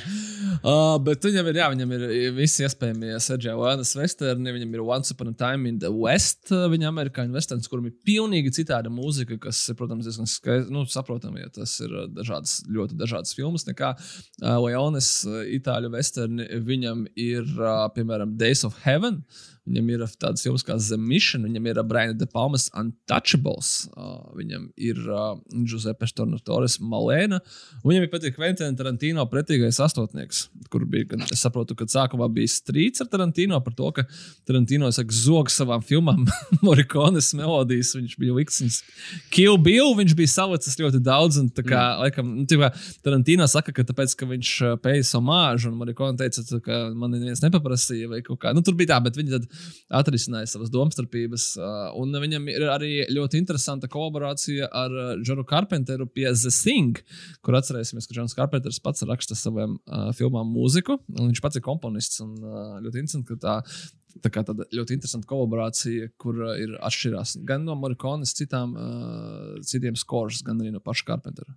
Nu, un tad, tad paturpinot, ka sanāk, uh, veidojot pretīgu astotnieku, The Hateful Eight no Tarantino, viņš sākotnēji paņēma tas neizmantotas, neizmantotu mūziku no The Thing, mm -hmm. un tad vēl pielika klāt, un par cik pats Hateful Eight ir tāds westernīgs The Thing, tad viss miksējas ļoti interesanti kopā.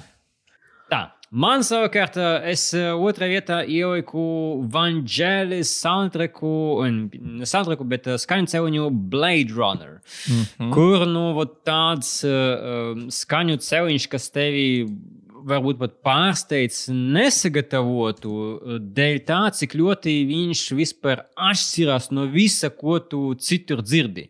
No visiem citiem skaņu celiņiem uh, un no visām citiem, jā, Drīzāk tā, tik līdz tu sāc skatīties Blade Runner, tev sākumā, ja tu skaties pareizo versiju, tev nav nekāda voiceover, tev sākumā ir uh, scroll, uh, kur paskaidrots par 19. gada Los Angeles, un tāds sākas uh, skats uz to torni, kur, kur sprādzieni notiek, un kur sāk skanēt Vangelis mūzika. Un tu uzreiz pat tajā momentā saproti, ok, šīs būs kaut kas pavisam citāds no, no jebkā, ko tu esi pirms tam redzējis. Un tad uh, to uzbūvēja pat ne tikai vizuālais, jo vizuāli tu vari apmēram saprast, nu, ok, nu, blockbusteris vai, vai specifekti, jā, sci-fi, bet tieši mūzika tev pasvītro, ka šīs ir kaut kas īpašs. Es aizmirsu, bija par Vangelis bāts. Nu, es tagad nelušu. es saprotu, ka, jā, ka, ka jums tur kaut kāds uh, painful process, uh, kuru ielikt un kuru. Uh, nepieminēts. Nē, es, mm. es par viņu nebiju aizmirsis. Man arī viņš bija tajā manā supergarajā sarakstā tieši Blade Runner dēļ. Viņam bija arī uh, Aleksandram Lielajam. Man patika mūzika uh, filmai, ko varbūt es nezinu, vai kāds vēlas atkārtot. Es to izdarīju, bet man tā filma patīk. Bet uh, mūzika tur arī ļoti, ļoti, ļoti, ļoti neslikta. Bet, nu, protams, Blade Runner, man liekas, tas tāds mm. absolūtais, absolūtais ikoniskais uh, veidojums viņam. Ah, un es zinu, ka es jau pieminēšu daudz uh, par konkrētu Blēdronu, kas man pateica, ka viņš arī labi varēja no tā augstā temata, kas ir galvenais Blēdrona temats, līdz kaut kādam arī siltākam uh, darbiem, siltākiem darbiem, kas uh, notiek, teiksim, konkrēti Richarda Dekarda iekšā dzīvoklī, uh, kad ir, kad spīd iekšā gaisma un tad uh, ir liriskāks noskaņojums. Tas man arī rītīgi patika. Pirmā vieta, ja? Jā. Mm -hmm. Jā. Uh, pirmajā vietā es jau, nu, kā mēs tagad, jau kā tā saruna vedās, ir tā, ka mums ir bijušas nu, vietas, kur it kā ir kaut kāda filma, bet nu, lielākoties tās ir bijušas vietas komponistiem, un tad, kā, nu, visas mm. viņa filmas būtībā. Bet uh, man pirmajā vietā nāca tā, ka es ieliku filmu un komponistu, un tam komponistam vispār nav šausmīgi daudz darbu. Viņam patiesībā vispār ir mm, galvenokārt tikai bijušas dokumentālās filmas, un tikai dažas no tām pat ir filmas. Bet tas, ko viņš izdarīja tajā vienā reizē, kad es viņu darbu dzirdēju, bija tik fantastisks, ka tas ir manā Spotify rotācijā uz visiem laikiem. Vispār šī filma arī ir brīnišķīga, un uh, runa ir par dokumentālu filmu Apollo 11. Nu, atkal es atgriežos pie nolaišanās uz mēnesi, bet tur laikam tas ir bijis baigi parocīgs notikums, lai jūs par to rakstītu labu mūziku. Uh, šī filmas mūzikas autors ir uh, Mets Mortons. Un kāpēc man liekas, tas arī uh, viņa darbs šajā gadījumā ir ekstra, ekstra iespaidīgs? Ir tāpēc, ka, ja jūs esat redzējuši uh, šo filmu, tad jūs zināsiet, bet, ja nē, uh, šī dokumentālā filma ir uh, taisīta tādā veidā, ka tur nevienā brīdī neviens nestāsta, kas notiek. Tur nav ne tā ierasto dokumentālo filmu runājošo galvu, tur nav nekāds uh, pavadošais stāstījums, nav nekāds narrator, kas kaut ko stāstītu. Visa filma ir uzbūvēta tikai un vienīgi no arhīvu kadriem, reizēm no dažām ilustrācijām. Tur nav nekādi recreations, kā mēs arī dažās uh, dokumentālās filmās mēdzam redzēt. Tur viss uh, stāsts notiek tikai un vienīgi ar tiem arhīvu materiāliem un mūziku. Un šajā gadījumā līdz ar to uh, Meta Mortona mūzika uh, šausmīgi daudz. Arī no tāda narratīvā viedokļa dara, ka viņa tev gan arī stāsta to stāstu kaut kāda cilvēka balšu vietā. Tas man liekas, ir ļoti iespaidīgi. Un tas man atgādināja uh, strīdu, kas man reiz uh, bija universitātē ar vienu no maniem pasniedzējiem, kad mēs ļoti nopietni sastrīdējāmies par to, vai mūzika var tikt uzskatīta par narratīvu vispār. Es teicu, ka jā, viņš teica, ka nē. Mēs par to strīdējāmies ļoti, ļoti kaislīgi. Es viņam taisīju pat uz nākamo lekciju prezentāciju, lai pierādītu savu taisnību. Tas bija pilnīgi nesaistīts ar to, ko mēs toreiz apspriedām, ja mēs runājām par vienu grāmatu. Un tas konflikts izcēlās no viena jautājuma, ko viņš man toreiz uzdeva. Un tad mēs sapratām, ka mums ir šie pilnīgi diametrāli pretējie viedokļi. Es domāju, ka Aleks droši vien neklausās, bet, ja viņš klausās, tad sveicienu viņam.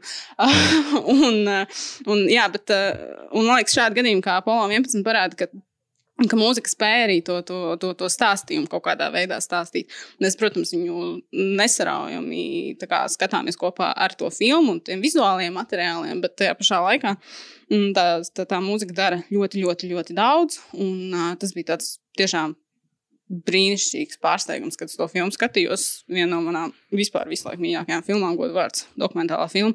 Un tā arī toreiz netika nominēta Oskaram. Es nezinu, kāpēc mm. viņiem ir kaut kāds zobs pret tām mēnesis filmām. Pilnīgi, pilnīgi neizprotami. Mm -hmm. Bet uh, tiešām tāds, tāds, tāds interesants uh, veikums. Un, uh, es ar interesi paklausītos, ko vēl Mets Mortons ir sarakstījis, bet varbūt šis bija tāds vienīgais gadījums viņa dzīvē, un pat ja tā ļoti labi.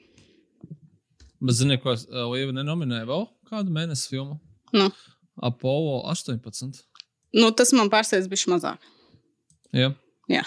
Iron Sky arī nav nominēta. Bet, zini, kuru mēnesi filmu nominēja? Trim oh. Oskariem. Apollo 13? Nē. Transformers Dark of the Moon. Oh. Kura parādīja mums visu patiesību, kas tur īsti notika. Bet, uh... Ar to, jā, viņai ir trīs nominācijas. Bet nevienas balvas, tā kā viņi tomēr tur zobu par arī par mēnesi. Mēnesis bija vainīgs, kāpēc nedabūja transformeru Oskaru. Nu, baigie, baigie žmogas. Es tagad skatos, vai Apollo 13 filmu dabūja kādas nominācijas. Mm -hmm. Tā bija ļoti daudz, manuprāt, un tie bija arī balvas. Jā, viņai bija arī divi Oskari. Par skaņu, bet ne par mūziku. Varbūt viņi saprata, ka, jā, kad no Apollo 13 viņi ir devuši visu, ko var iedot. Viss jums vairāk nepienākas. Jā, tur ir daudz gan nomināciju. Arī. Viņai bija desmit nominācijas un divas balvas. Jā. Nu, ok. Nu, Lai nu kā Kāpēc tur viņam ir? Bet, bet būs par Ievānu Masku filmu, tad dabūs visas nominācijas un balvas par kosmosu. uh, es uh, ielikšu pirmajā tā komponistu, kurš ir manas uh, dzīves komponists. Īstenībā tā ļoti interesanti, ka viņam ir tik daudz, uh, tik daudz izkaut kā. Ka, manuprāt, viņš ir kā žanrs, nevis kā komponists. Un šeit uh, Toms iemontē Jūs zināt, ko es domāju. Tas ir mm -hmm. Hans Zimmers, protams. Bet uh, interesanti, jā, ka Hans Zimmers nu, ļoti grūti, man liekas, pateikt, tāpēc, ka viņš ir kā žanrs, viņš ir uh, piedalījies, viņš, uh, viņam ir, man vai, varbūt vajadzēja sameklēt šo podkāstu, ko es neizdarīju, bet tur jau ir tas stāsts, ka viņam ir tā māja, kurā viņiem ir cik kaut kādi pastāvīgi dzīvo 15, 20 cilvēki, kas komponē visu kaut ko, tā skaitā visi jau minētie klausi, badelti, Džeims Newtons, ne, bet uh, Harija Gregsona un Viljams un visi pārējie tie viņa protežē, kas uh, kur uh, Hans Zimers saraksta to galveno tēmu uz klavierēm, un tad viņš iedod tālāk, un tad tie cilvēki strādā jau pie kaut kādām filmām, un, beigu beigās Hans Zimers, es atcerējos mūziku, tur nezinu, 20 filmām gadā, mm -hmm. tāpēc, viņš īstenībā tikai, tikai un uh, ļoti interesanti bija arī intervija ar Hansu Zimmeru, kur viņš teica, ka viņu principā neinteresē nu, tā tāda ķipa, sacerēšana, viņš, viņš meklē jaunas skaņas, kā izgudrot mm. vienkārši sounds kā tāds, nu, tāds, ka viņš ir kaut kādā pilnīgi citā līmenī, tāpēc arī Jā, viņš, sapat, viņš saprata, ka uh, viņam ir vieglāk turēt kaut kādus tos savus štata komponistus, kuri sacerēs Holivudai to, ko viņi grib no viņa sadzirdēt, tās visas tās uh, episkās tēmas. Un uh, viņš var no tā pelnīt, un viņš var uh, nodarboties, teiksim, tā kā viņam bija ar Kristoferu uh, Nolanu. Tur viņš tur taisa kaut kādu jaunu, pilnīgi jaunu skaņu. Pie tam daudz reizes viņš viņu dara arī arī tādu blockbusteru iet, ietvaros. Man, teiksim, no viņa Man of Steel galvenā tēma, tas man šeit ir kaut kāds visu laiku episkākais darbs, kāds, kāds var būt. Un, uh, man ļoti likās ļoti interesanti, cik ļoti dažādi ir soundtracki kaut kādas Kristofera uh, Nolana Batmana triloģijas ietvaros, kur viņam ir uh, James Newtons Howards palīdzējis pie, vai otrādāk, varbūt pie Batman Begins, un, un tālāk arī viņš citādāk, nu, kad, kad tik ļoti viņš ir tik ļoti dažāds. Un, un, jā, bet ar viņu vienīgais tas, ka tu nevari izšķirt, kur ir, kur ir tīrs Hans Cimers un kur viņš ir sadarbojies, un kur viņš ir ieguldījies varbūt vairāk, un kur viņš ir tikai mazāk un pārņēmis. Un tā. bet es domāju, ka viņš noteikti ir kaut kādā ziņā kopā ar Džonu Viljamsu uh, visu laiku dižākais uh, filmu mūzikas komponists. Vienkārši tāpēc, ka viņš uz to jau skatās kaut kā citādāk. Ja Džons Viljams tiešām taisīja episkākās galvenās tēmas uh, kino vēsturē, tad Hans Cimers vienkārši mēģina kaut kur to mūziku, kino mūziku pušot kaut kādā pilnīgi citā virzienā. Jaunā virzienā, nevis citā pieredzējumā. Tā viens no tā kā, tādiem arī interesantiem kino piedzīvojumiem bija, kad uh, savu laiku, un tas bija Fórums es neatceros, vai viņi toreiz bija Skype zāle vai kā, kā nu, tur pēc tam visi tie nosaukumi mainījās, bet uh, viņi tika rādīta. Uh, Hans Zimmer koncerta ieraksts, uh, kur viņš mm. ar orķestru spēlēja tieši no filmām šīs dažādas tēmas. Tā bija nu, tiešām fantastiska pieredze, jo, nu, pirmkārt, visa tā, tā zāles skaņu sistēma un, un visas tās pazīstamās melodijas, tos arī, man liekas, viņš spēlēja to mēnešu stilu tēmu un ko tur vēl ne, un tu klausies, un pilnīgi visa zāle burtiski krēsli drab no tā, cik tur tas spēks nāk no turienes ārā. Viņa ļoti, ļoti forša forš pie, forš pieredze. Nu, es cīmēju, neieliku to piesu, tāpēc, ka tur ir pilnīgs bezcerīgs izvēlēties kaut ko tikai mm. vienu. Uh, bet uh, droši vien tāds, tāds fun fact ir par Cimeru, tas, kas, Sergei, tu minēji, Tenet, uh, mūziku, ko sarakstīja Nehans Cimers, kurš parasti sadarbojās ar Kristoferu Nolanu, jo viņš iedeva Nolanam kurvīti, jo viņš gribēja drausmīgi džūnu mūziku sarakstīt. Un tad viņš tā kā mm. pilnīgi salauz sirdi Kristoferam, bet es domāju, ka mēs beigās visi esam uzvarētāji, jo Tenet arī bija brīnišķīgs skaņas cēliņš. Tā ka, tā ka. Un te, Tenetam sarakstīja mūziku, ka izklausās pēc komponista Gorana Goransona, bet tas nav Gorans Goransons, jo viņš tas ir Ludvigs Johans Johansons, tu domā. Jā, Johans Johansons, piedodiet, Johans Johansons. Tas ir uh, islandiešu komponists un drīkst kļūdīties, tāpēc, ka viņa visi ir uh, Sonja vai Dotīras. Mana pirmā vieta, pats galvenais, visi gaidīja, kad, kad, es, kas būs manā vietā. Uh, kas būs par komponistu, kur, kuriem ir milzīgi daudz darbu. Un, un es tikko pārbaudīju, viņam nav neviena cita score. Tie Dust okay. Brothers ar score Fight Club. Un Jā, tas, tas ir, ir uh, interesants skors. Vienīgais skaņu celiņš, kuru es actually klausījos un daudz, uh, jo man viņš vairāk pat atgādināja, ka elektroniskas mūzikas albumu. Un tieši tā es viņu klausījos uh, katru treku, kas bija katrs atsevišķs, un, protams, arī ļoti labi uh, sajiet kopā ar Finčera filmu. Bet tas man, jā, tas man pat īsti uh, pārsteidza, ka es iegāju un tiešām tur tikai, tikai Fight Club viņiem pieskaņu celiņam. Visi citi ir vienkārši albumi. Uh, Viss kārtībā. Uh, bet pirms mums, uh, tie, kas mūs klausās tagad un uh, grib ātri kaut kur sākt rakstīt, kad uh, ir vēl viena grupa, kas rakstījusi, es tagad nezinu, vienu skoru vai vairākus uh, Daft Punk priekštrona, kas ir super populārs. Super populārs soundtracks, droši vien populārs. Tas ir bija man kā, tas, ko es viens no izlidināju no sava piecinieka. Oh. Tad, kad, nu, kā jūs, ja, ja jūs kāds nezinājāt, tad piedodiet, es jums salauzīšu sirdi, bet Daft Punk nesen paziņoja, ka viņi tā kā ir izšķīrušies, jā, Un tad tas man bija. Visi to zina. Nē, nu, zini, kā, es nezinu, ja nu, tu varbūt zem kaut kāda akmens dzīvo. Bet uh, tad es, kad to izlasīju, tad tas pirmais, ko es izdarīju, bija aizgājis uz Spotify un aizgāju tieši uz Tron Legacy uh, skaņu celiņu. Un es atradu, ka es nebiju iepriekš redzējis, ka viņam tagad ir kaut kāda extended uh, versija šim albumam, un tur bija kaut kāds pāris dziesmas klāt pielikts, un tas bija, es biju ļoti priecīga. Bet jā, šis arī ir tāds albums, ko es klausos regulāri diezgan, kurš, nu, kā, tur gan šajā gadījumā tās ir tādas ļoti daft punkīgas dziesmas, ka viņas, nu, eksistē kā kā Daft Punk būtībā dziesma. nu, Viņas arī kā, Mhm. tur tu vari vieglāk viņas varbūt atraut pat no tā trona, bet viņas tajā pašā laikā strādā brīnišķīgi arī ar tronu, ar visu to neonu un visiem tiem datoriskajiem elementiem. Tur arī tāds, tāds, tāds match made in heaven sanāca. Es zinu, kādas man ir labas ziņas tiem, kam patīk Daft Punk un kas varbūt pārdzīvo. Un Ziņa ir gan no 2020. gada 27. aprīļa. Ir tas, ka uh, viņi ir sarakstījuši mūziku jaunajai Dario Argento filmai. Mm. Atcīm redzot, ka viņi jau ir sarakstīti, tāpēc, ka uh, no Argento skaidrs, ka tas nav tas Argento, kas bija kādreiz. Bet es pieņemu, ka nevienu tas baigi nesatrauc, ņemot vērā to, ka uh, mums vienkārši gaida score albums no Daft Punk, Dario Argento jaunajai filmai, kad nu viņi iznāks. Nu, metiet, vēriet vērā šlūzus. Mm -hmm. Mm. Kas palika aiz strīpas? Kas sāp visvairāk, ka palika aiz strīpas? Nu, man sāpēja trons, bet par to es jau izstāstīju. Tas, kas man nākamā bija milzīgā sāpe, ir uh, Annihilation, uh, jeb Alex Garlanda filma, kurai uh, mūzikas rakstīja Bens Salisburijs un Jeffs Beros. Uh, viņi arī sarakstīja X makinas skaņas, kas arī ļoti lielisks, bet uh, Annihilation ir kaut kāda, man liekas, vēl līmeni augstāks, jo tur ir. Uh, Visa tā ļoti garā melodija, nu, pat ne melodija, bet dziesma, kas pavada to filmas noslēgumu, ko es nespoilošu. Jūs neesat redzējuši, bet ja jūs esat redzējuši, jūs zināt, ko es domāju.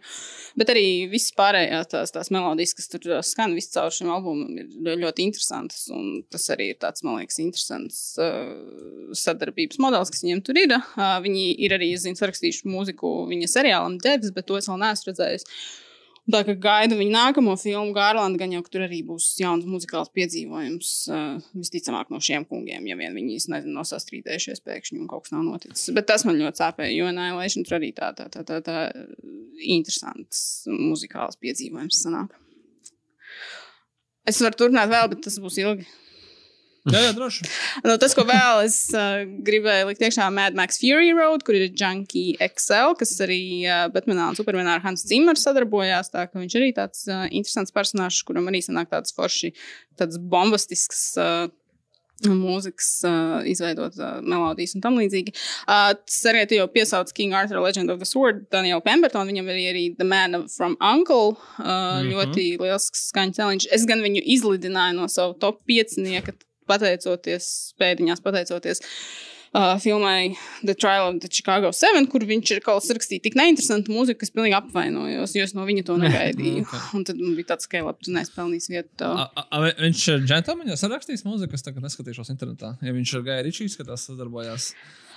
Džentlmenis es kaut kā Vai neatceros. Tur tā kā, nu, nav nekādas muzikālās asociācijas, tāpēc to es, to es Ok. okay. nepiedošu. Jo, teiksim, kā, jo tas ir tas, ko es minēju, ka reizēm nu, ka mūzika filmā, ja viņa reiz atkal nestrādā, tad tas var sabojāt to pieredzi drusku, kas notika. The Trial of the Mhm. Chicago 7 laikā. un Tāpēc man viņa drusku tagad ir zobs, bet gan jau, ka viņš atkal uh, atgūsies un, un, un būs manā topā. Okay. Uh, vēl es uh, minēju jau Radiohead un Johnny Greenwoodu. No Radiohead arī Toms Jorks ir sarakstījis mūziku. Viņš sarakstīja filmai Suspīrija. Ļoti tādu Mhm. pocīgu, un, un, un baisu un raganīgu mūziku, ko, starp citu, pēc tam es uh, dzirdēju teātrī, izrādē Salēmas Ragans, Dailas teātrī, un es pavadīju visu pirmo cēlienu agonijā, domājot, kur es esmu šo mūziku dzirdējusi. Un tad bija, zināmā, tas, tas, tas gaismas spuldzīts moments, kas iedegās, mm -hmm. iedegās un bija tāds, yes, es atpazinu. Jo, ja ir kaut kas, ko es ļoti slikti dzīvē daru, tad tas ir, es, ne, es neatpazīstu balsis, un acīm redzot, ar mūziku man arī reizēm iet grūti. Tāpēc es melomaniekos esmu bezjēdzīga. Bet šajā gadījumā man sanāca, un es biju ļoti priecīga. Uh, tad mēs jau pieminējām. domā, cik, cik um, tev ir tāds lāsts, ka tev patīk klausīties, bet nevar atpazīt. Nu, jā, nu, mūzika, kā, jā, nu, tas, ir, tas, tas ir tas variants, ka es zinu, ka es zinu. Bet es tev nevaru reizēm vienmēr pateikt, kas tas ir. Uh, bet uh, nu, ar skaņu ķelņiem bija vieglāk, jo tur, tu, man liekas, to vizuālo Mhm. arī reizēm sāsties. Uh, bet, jā, arī mēs jau minējām Johanu Johansonu, uh, kurš ar uh, Denīvu Lenēju sadarbojas. Bieži vien viņam ir fantastisks sikārijos skaņu celiņš un arī Arrival. Ko viņa arī toreiz apšņāca Oskaros, jo tur kaut kāda viena melodija nāca ne no viņa, un tad viss tika pārējais izsviests ārā, kas tur viņiem interesantie noteikumi. Uh, kas mums vēl? Uh, viens uh, no tādiem pozitīviem elementiem par filmu Jokers, kas man kopumā, kā jūs zināt, nepatika, bija tomēr tās uh, filmas mūzika, ko sarakstīja Hildura Gudna Dotira. Viena no retajām īstenībā sievietēm, ja ne pirmā, ko mēs šodien vispār pieminam, jo kaut kā skaņu celiņu joma, mūzikas joma filmās ir tomēr baigi veču dominēta sanāk. Es nezinu, kāpēc tā, bet nu, kaut kā tā tas ir sanācis. Sievietes krietni, krietni, krietni retnāk to dara, bet uh, viņa, viņa arī saņēma Oskaru par to. Viens no nu, pelnītajiem Oskariem šīs filmas sakarā. Viena no labajām lietām, ko es par to visu varu pateikt. Uh, vēl man arī bieži vien skan uh, dažas dziesmas no Ad Astra skaņu cēliņa, ko rakstīja Maks Richters. Arī ļoti tāds uh, interesants, man liekas, autors. Uh, ir arī mums uh, pašmāju filmā, man liekas, bijuši ļoti forša mūzika. Nu, mēs zinām, ka nu, pat tās Dēsē Putins ļoti ilgi cīnījās par uh, Oskaru nomināciju, nu beigās nesanāca, bet, nu, tomēr arī vērā ņem, ka vispār tika tik tālu, bet uh, man savukārt ļoti ir palikusi mūzika no filmas 1906, ko rakstīja Rihards Zaļupe, un arī no filmas projām, kur autors bija, visai šai filmai, visās tās aspektos Gins Zilbolots, kurš rakstīja mm -hmm. gan mūziku, gan visu sēnīmē, gan visu izdomājumu, gan vispārēju. Un tas, ka viņš uzrakstīja mūziku, tas, man liekas, no tā visa, ko viņš tur izdarīja, man visvairāk kaut kā uzspridzināja smadzenes, jo man liekas, tas ir kaut kāds tik pilnīgi cits uh, lauciņš, kurā darboties, salīdzinot, teiksim, tur ar animāciju un stāstu domāšanu, ka tur, man liekas, vajag kaut kādu pilnīgi citu skillsetu. Bet nu, izrādās, ka cilvēki var visu. Vat šitais interesants piebildošu, tāpēc, ka es gribēju pieminēt projām, jo man fascinēja saruna ar Gintu, ka, ka es tieši šito arī uzdevu viņam jautājumu, tāpēc, ka, ok, Gint, es saprotu, kā tu vari vizualizēt tur ainas un saprotu savu struktūru un tu pēc tam uzņemē, bet kā tu liec mūziku? Un viņš saka, bet mūzika vispār ir visvieglākais. Es jau sarakstīju mūziku savai nākamajai filmai, kur iznāks 24. gada filmas trauma un apsveicam vēlreiz Gintu, ka viņš tikko saņēma arī finansējumu no Nacionālā kinocentra. Bet jā, tas, ka viņš man pārdēja reku, man jau treki ir gatavis. Flow! Gados. Jā, tas, tas, saka, tas man kā spridzina smadzenes kaut kādā pilnīgi Jā. citā līmenī. Tā, ka, nu, tas ir fantastiski, ka, ka, ka, ka, ka cilvēki tā mākslinieks var tikai un vienīgi apskaust. Uh, un labi, tad visam ātri vēl pāris, pāris komponentus, ko Es nevaru nepieminēt. Uh, Klifs Martīnes, kurš ar uh, Stevenu Soderbergu bieži vien sadarbojas. Tu tagad izklausies, ka, ka tu esi uz Oskara skatuves un tev vajag yep, pateikties tiem yep, un tiem. Yep, tieši tā.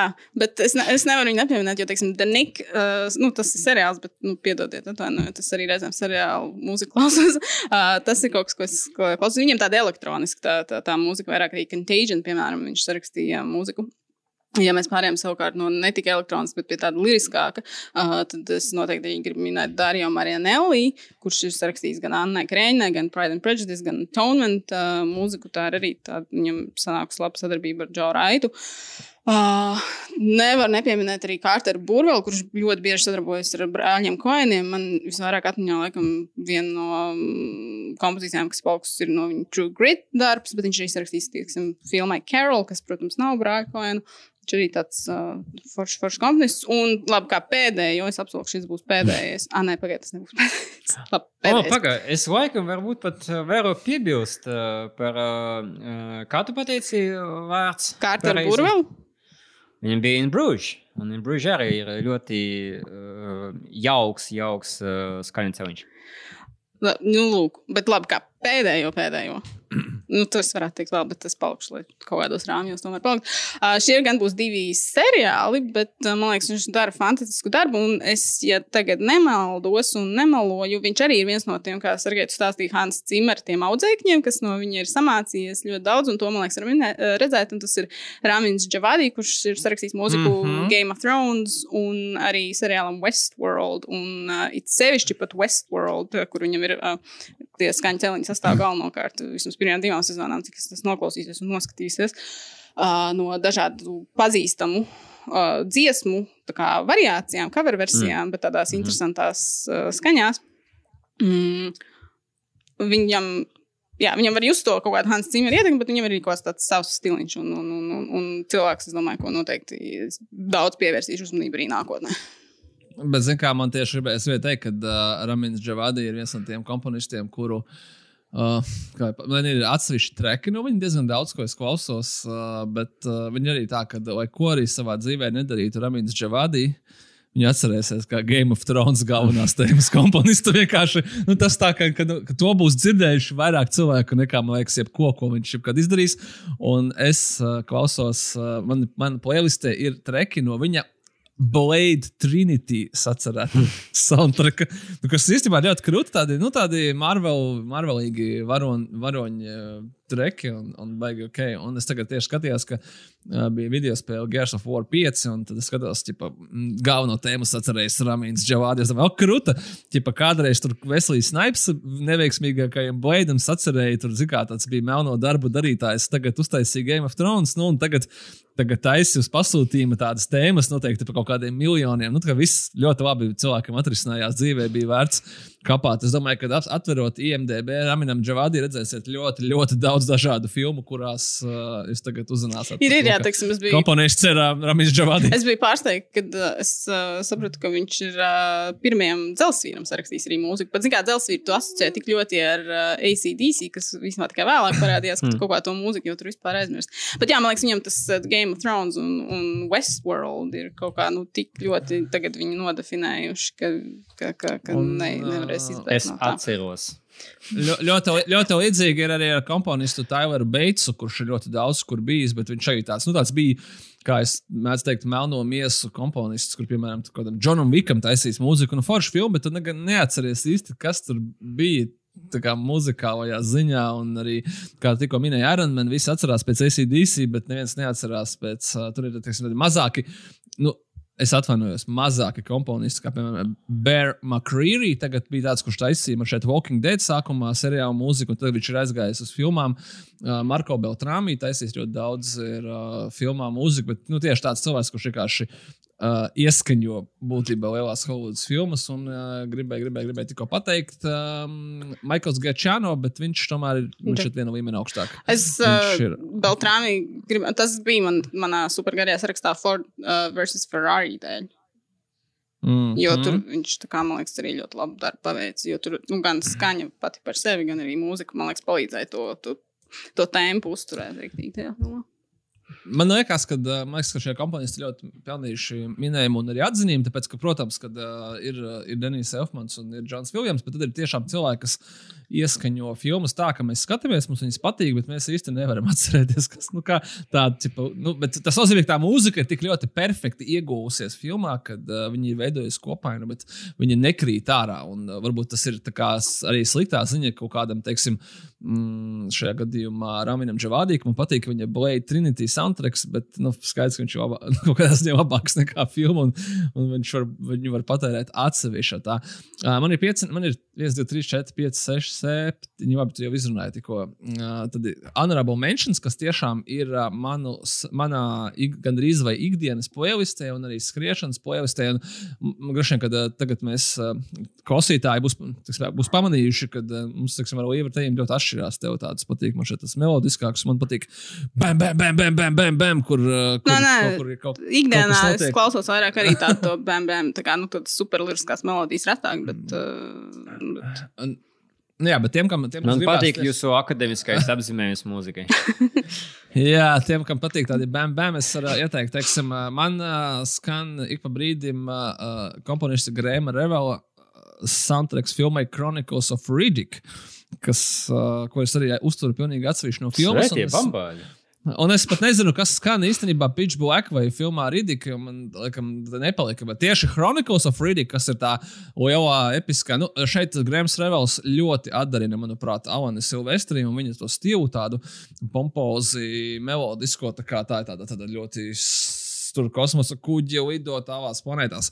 Uh, pilnīgi pretējs ir kolaborācija starp uh, jau minēto Marko Beltrāmi un uh, Merlinu Mansonu priekš Resident Evil pirmās daļas, kur arī Merlins Mansons ir atcerējis uh, Paula Andersona Resident Evil filmu galveno tēmu. Viņa skan, manuprāt, visās daļās. Tas tāds ļoti interesants. Es, es neesmu elektroniskās mūzikas cienītājs, bet citreiz šādu soundtracku līmenī man patīk arī kaut kas tāds.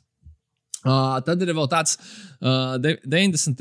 gados, un varbūt 2000. gada sākumā, kad uh, visus, uh, visu naudu savāca uh, Jerry Brookhaimera producētās filmas.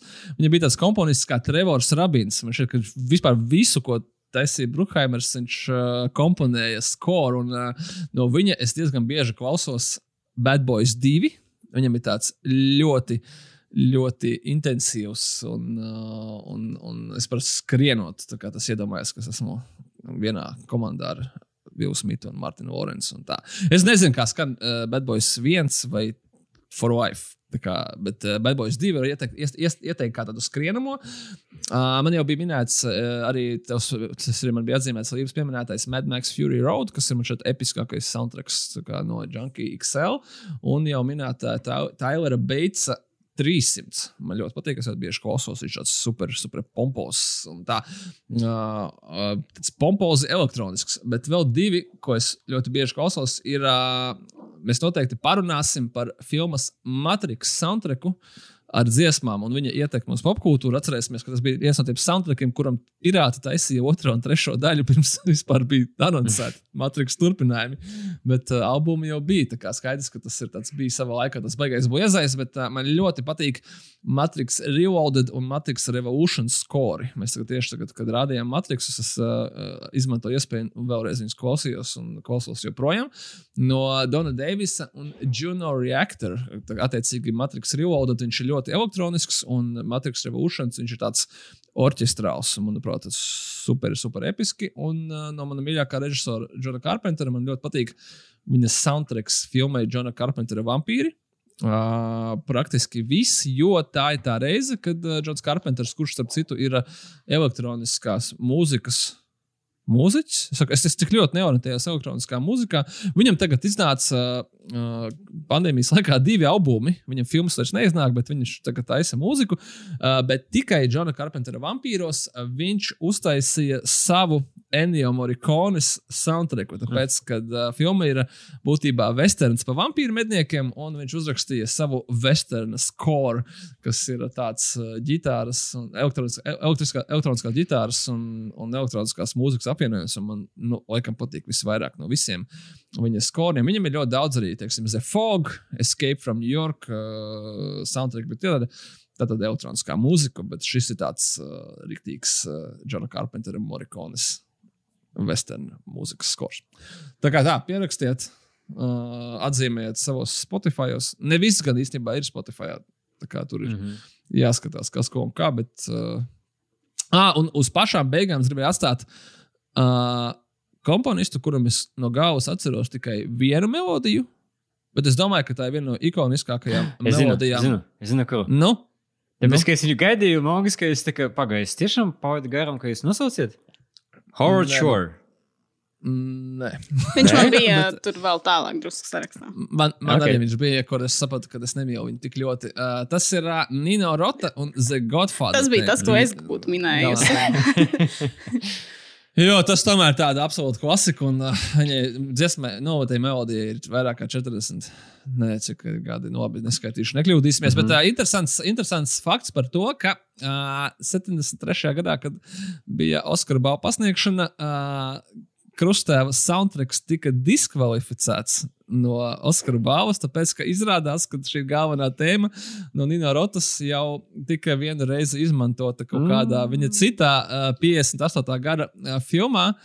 Uh, komēdijā Fort Fortunella. Uh, nu, okay, un visironiskākais ir tas, ka 74. gada Oskara balva viņš saņēma, viņš saņēma uh, Oskara balvu par labāko mūziku The Godfather Part 2 kurā, protams, joprojām skanēja šī galvenā tēma, nu jau viss bija kārtībā un absolūti fine. Tā kā tāds uh, kārtējais, jāsaka, Oskara gluks, bet pats galvenais, ka Nina Rotē saņēmis Oskara balvu pelnīti par fantastisko mūziku krustēlu triloģiju, kas uh, droši vien priecēja daudzus jau joprojām. Tur ar tiem Oskariem un to mūzikas kategoriju vienmēr ir interesanti, jo viņi tur rēķina kaut kādus procentus, un tad tur izlidina kaut ko ārā, un tad tur visi kaut ko skandalēs atkal, jo ir bijušas arī, nu, bieži vien kaut kādas filmas, kurām tev liekas, ka, nu, tur varēja nenominēt, vai pat, nu, kur nominēt, iedot Oskaru vajadzēja, bet viņi vispār neļāva klasificēties tā, ka, nu, putra tur arī viņiem dzīvē visāda. Es tagad vēl skatos, ko. Jā, nē, man Hovards Šārds bija, bija tālāk sarakstā gan Lord of the Rings dēļ, gan arī Hugo dēļ. Kur, man liekas, arī viņam bija ļoti, ļoti skaista mūzika, kas kā perfekti papildināja to kaut kādu rotaļlīgumu un to Parīzes tādu sajūtu un, un, un vispārējo. Nu, Es vēl, nē, nu, īstenībā viņš arī kā, kā viens no komponistiem, interesants cilvēks. Eh, Ar Kronenbergu, teiksim, viņš sadarbojas jau no pašiem, pašiem sākumiem. Videodroms viņš arī ir eh, ieskanējis. eh, Un, eh, un uh, Skorsēsi un uh, Pitera Džeksona sadarbību mēs arī ļoti labi varam sajust. Tikai Pitera Džeksona Lord of the Rings, uh, bet Skorsēsi, teiksim, man mazāk varbūt Hugo, bet vairāk ir palicis prātā Departed.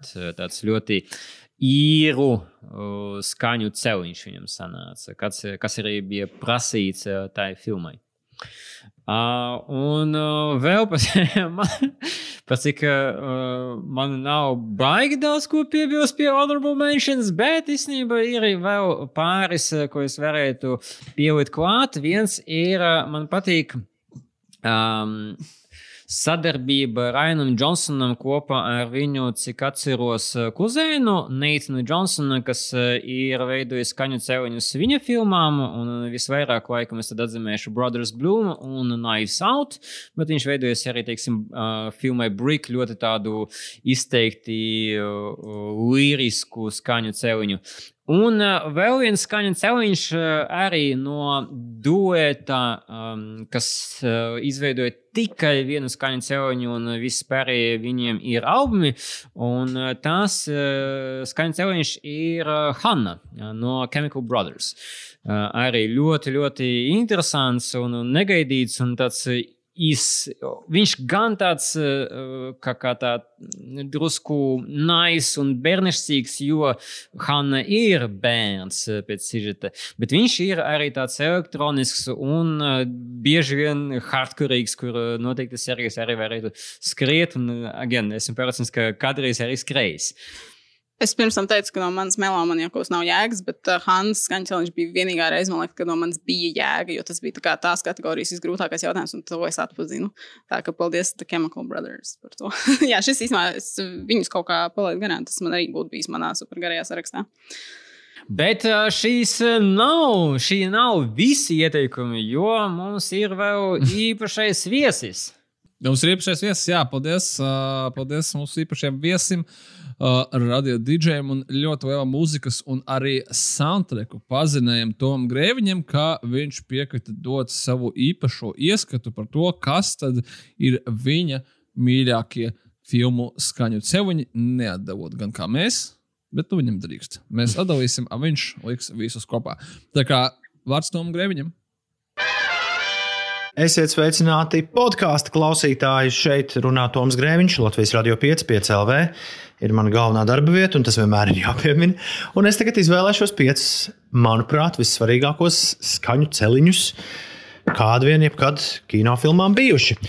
Un Latvijas kontekstā noteikti jāsāk ar 1940. gada kaut kāda Brūsa Humberstona režisēto diezgan tādu. Uh, ļoti romantisku komēdijisku gabalu, ko sauc par Sun Valley Serenade, Saules pilsētas serenāde, Saules ielas serenāde.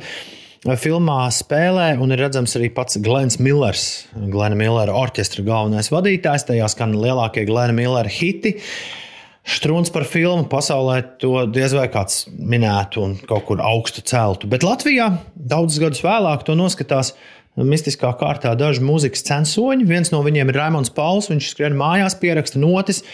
Ar šo filmu Latvijā sākas ne tikai džeks, bet es atļaušos apgalvot arī visa populārā mūzika. Sun Valley Serenade. Tās skaņu celiņš tātad būs numur viens. Tad mēs dodamies uz 60. gadu sākumu, un, kur man ir rokās Audrijas Hebernas, iespējams, lielākā loma brokastis pie Tifānija. Breakfast at Tiffany's. Tā tad uh, Blake Edvarda filma, brīnišķīga Henrija Mančīnī mūzika. Un uzreiz es arī pieminu 73. gadu Frederico Fellīni Amarkordu. Tur savukārt cits uh, superkomponists Nino Rota atbildīgs par, uh, par to, kas tur skan. Un, uh, jā, abas šīs filmas vieno tas, ka tajās skan viena un tā pati mūzikas tēma cauri visai filmai, bet katru reizi tā ir īpaši noaranžēta situācijā, kas notiek filmā. Un abas šīs tēmas, gan Gan Amarkorda tēma, gan Moon River Breakfast at Tiffany's gadījumā ir vienkārši brīnišķīgas melodijas. Viss filmas garumā tās neapnīk. Un pat pēc tam mājās uzliekot skaņu celiņu un klausoties to melodiju visu laiku uz rīņķi, tās neapnīk. Beigšu ar divām 90. gadu filmām. Forests Gumps. Esmu daudzkārt teicis, ka tas ir soundtrack of all soundtracks kas ir uh, gampā dzirdams. Un nevis tā mūzika, kas arī, starp citu, ir jauka, ko Alans Silvestri ir speciāli sarakstījis priekš Foresta Gampa, bet īpaši tas, cik ļoti prasmīgi uh, ir atlasītas dziesmas, kuras precīzi uzbur uh, sajūtu, kāda bija tajā laikā, par ko stāsta Forests Gamps. Tāda kārtīga arī mūzikas vēstures hrestomātija sanāk. Un ļoti precīzi strādā arī visa mūzika, kas ir atrodama Denija Boila lielajā kultu filmā Trainspotting, vilcienu akte, gaisma tuneļa galā, sauciet to kā vēlaties. Jā, nu tā filma pilnīgi elpo. Viņa tiek montēta speciāli ar, ar visu to. Ar visu to, kas, kas tur skan. Un mūzika tur spēlē bez mazliet galveno lomu, sākot no Lūrīda Perfect Day, beidzot ar Underworld Born Slippy. Uh, Tātad Sunvalley Serenade, Breakfast at Tiffany's, Amarkorts, Forests Gumps un Trainspotting šo filmu skaņu celiņiem platēs mājās ir jābūt. Man ir, juhu! Esmu par to priecīgs. Jums arī kādreiz būs. Paldies par uzmanību! Yeah, well, you know, that's just like uh, your opinion, man. Nu, un uh, pāriesim pie mūsu pēdējā segmenta. Ko tad mēs šonadēļ esam noskatījušies. Līva, sāksim ar tevi. Es noskatījos filmu, ko es nekad nebiju redzējis, bet ko es ļoti ilgu laiku marinēju pilnīgā pārliecībā, ka man šī filma ļoti patiks. Un tā arī bija. Man cilvēki teica, ka man visticamāk šī filma patiks, un viņiem arī bija taisnība. Mm -hmm. uh, tā ir uh, mūsu, es domāju, visu iemīļotā satīrista uh, Armando Janucci 2009. gada komēdija In the Loop. Um, Janucci droši vien ļoti daudz no jums zina kā Staļina nāves autoru. Man viņš ir ārkārtīgi iemīļots HBO seriāla Vīpteļ. Un, uh, viņam bija arī, mēs nesen podkāstā runājām par uh, Davida Copperfield filmu. Viņš ir tāds uh, interesants cilvēks, un, uh, tas, ko viņš vislabāk dzīvē māca, man liekas, uh, tas ir humors, un arī šeit viņš to pierāda. Mm, filma ir uh, tāda tā kā fiktīvas politiskas situācijas atainojums. Uh, Filma patiesībā ir uh, izcēlusies no Janučī uh, veidotā britu seriāla The Thick of It, un daži varoņi no šī seriāla ir arī aizdījušies tālāk uz filmu, bet filmu var skatīties arī kā atsevišķu vienību. Tur galīgi nav jāzina tas seriāls, par to nav jāuztraucas, bet, ja seriāls arī ir redzēts, tad nu, vēl jau interesantāk top arī filmu. Uh, bet uh, šajā filmā stāsts ir par uh, mums uh, fiktīvu britu valdību, uh, fiktīvu amerikāņu valdību, un tad kā, kā, kā viņi tur uh, viena kara jautājumu risina, uh, diplomātiskie sakari, kaut kādas politiskās spēlītes, politiskā dušana vienam otram mugurā, un uh, tas viss tādā pasniegts nenormāli verbālā, asā un tādā tipiski satiriskā Janučī stilā to filmu. Kā jau gandrīz arī uh, seriāla Vīpa var bieži vien kaut tikai klausīties, jo viņa dialogi nu, ir. Uh, nepārspējami. Tas, kā viņš liek saviem tēliem lamāties, viena ir absolūta dzēja. Uh, filma In the Loop un seriāls The Thick of It droši vien visslavenākie ir ar uh, Pīteru Kapaldī, viena no nesenākajiem. Uh, The Doctor no seriāla Doctor Who, jo es zinu, ka viņš nav uh, Doctor Who, uh, bet uh, atveidotājiem uh, viņš, uh, viņam ir tāds tēls Malcolms Takers, kurš ir, nu, visnepieklājīgākais un kaut kādā mērā drausmīgākais cilvēks pasaules, kurš kā kārto uh, fonā politiķiem visādas netīrās lietas, uh, bet uh, līdz ar to viņš ir viens no visinteresantākajiem personāžiem, ko vispār pēdējā laikā ir nācies redzēt. Un, uh, nu, tāds fantastisks Janučī veidojums. Tiešām, ja jums patīk tāda politiski skandāli, satīriskā mērce ar uh, apvainojumiem, kas tiek bērti no ložmetēja un kas liks skaļs, skaļs mieties. Tad tiešām, tiešām iesaku, ja esat skatījušies Death of Stalin, un es zinu, ka ļoti daudz no mūsu klausītājiem noteikti šo filmu ir redzējuši, tad iesaku pasīties, ko vēl citu, ja nu šī ir sastrādājis. Uh, Inda Lūpa noteikti ir tā vērts. Uh, tur tie saku, dialogi ir kaut kādā visaugstākajā līmenī, kādā tas var būt. Viņam šī filma arī bija nominēta savulaik uh, Oskaram kā labākais adaptētais scenārijs. Mm -hmm. Tā kā jā, un tur arī, starp citu, lomā var redzēt Džeimsu Gandolfīnu, kurš, nu jau, kā mēs zinām, ir devies mūžībā kādu laiciņu, bet šī vēl viņam arī bija viena no lomām, kuru viņu ar viņu var papriecēt acis. Bet, uh, bet nu, jā, tur tas Pīters, ka Paldija Malkoms Takers ir kaut kāds nu, tik uh, traks uh, veidojums, ka, ka, ka, ka viņš man liekas brīžiem izsūc visu enerģiju no visiem pārējiem. Bet, bet, bet, uh, bet nu, tāds interesants stāsts, un es uh, nevaru sagaidīt, ko, ko Janučī sastrādās tālāk, jo tas viņa. Sarkastiski melnais, ārkārtīgi melnais brīžiem humors man ļoti, ļoti iet pie sirds, un man tagad ir baigā, baigā, baigā vēlme jau kādus, nezinu, trešo tagad vai ceturto reizi iet cauri visam uh, vīpu seriālam, jo nu, tos, tos, tos verbālos apvainojumus var klausīties vēl un vēl un vēl. Iesaku visu, ko mhm. Janučī būtībā dzīvē ir sastrādājis. Ah, un starp citu, un uh, mēs jau pieminējām, uh, pieminējām šodien podkāstā Sergeju uh, Timoņinu joprojām neredzēto seriālu Succession. Uh, Uh, viens no Uh, In the Loop scenārija autoriem ir arī Jessijs Armstrongs, kurš ir seriāla Succession autors savukārt, jo viņš ir arī, viņš arī strādā pie uh, seriāla The Thick of It, un tur arī var just to, to melno humoru un to sarkastiskumu un visu pārējo. Tā ka tur šī britu džentlmeņu kompānija ir atbildīga par ļoti daudz brīnišķīgu saturu, ko es ikdienā patērēju, tā ka par to viņiem liels paldies un turpināšu skatīties visu, ko viņi sastrādās arī tālāk. Uh, paldies! paldies. Es klausos, atzīmēju, ka jāskatās The Tick of It beidzot. Tev ir jānoskatās ir... arī Succession. Jā, bet šī vismaz ir filma, nevis seriāls. Un, nē, nē, nē, un... In the Loop ir filma, un The Tick of It ir seriāls. Ah, bācis, es gribēju teikt, in... jā, bet uh, The Tick of It ir uh, diezgan īss. Viņam nav ļoti daudz arī tā, ka kādreiz saņemies arī tam.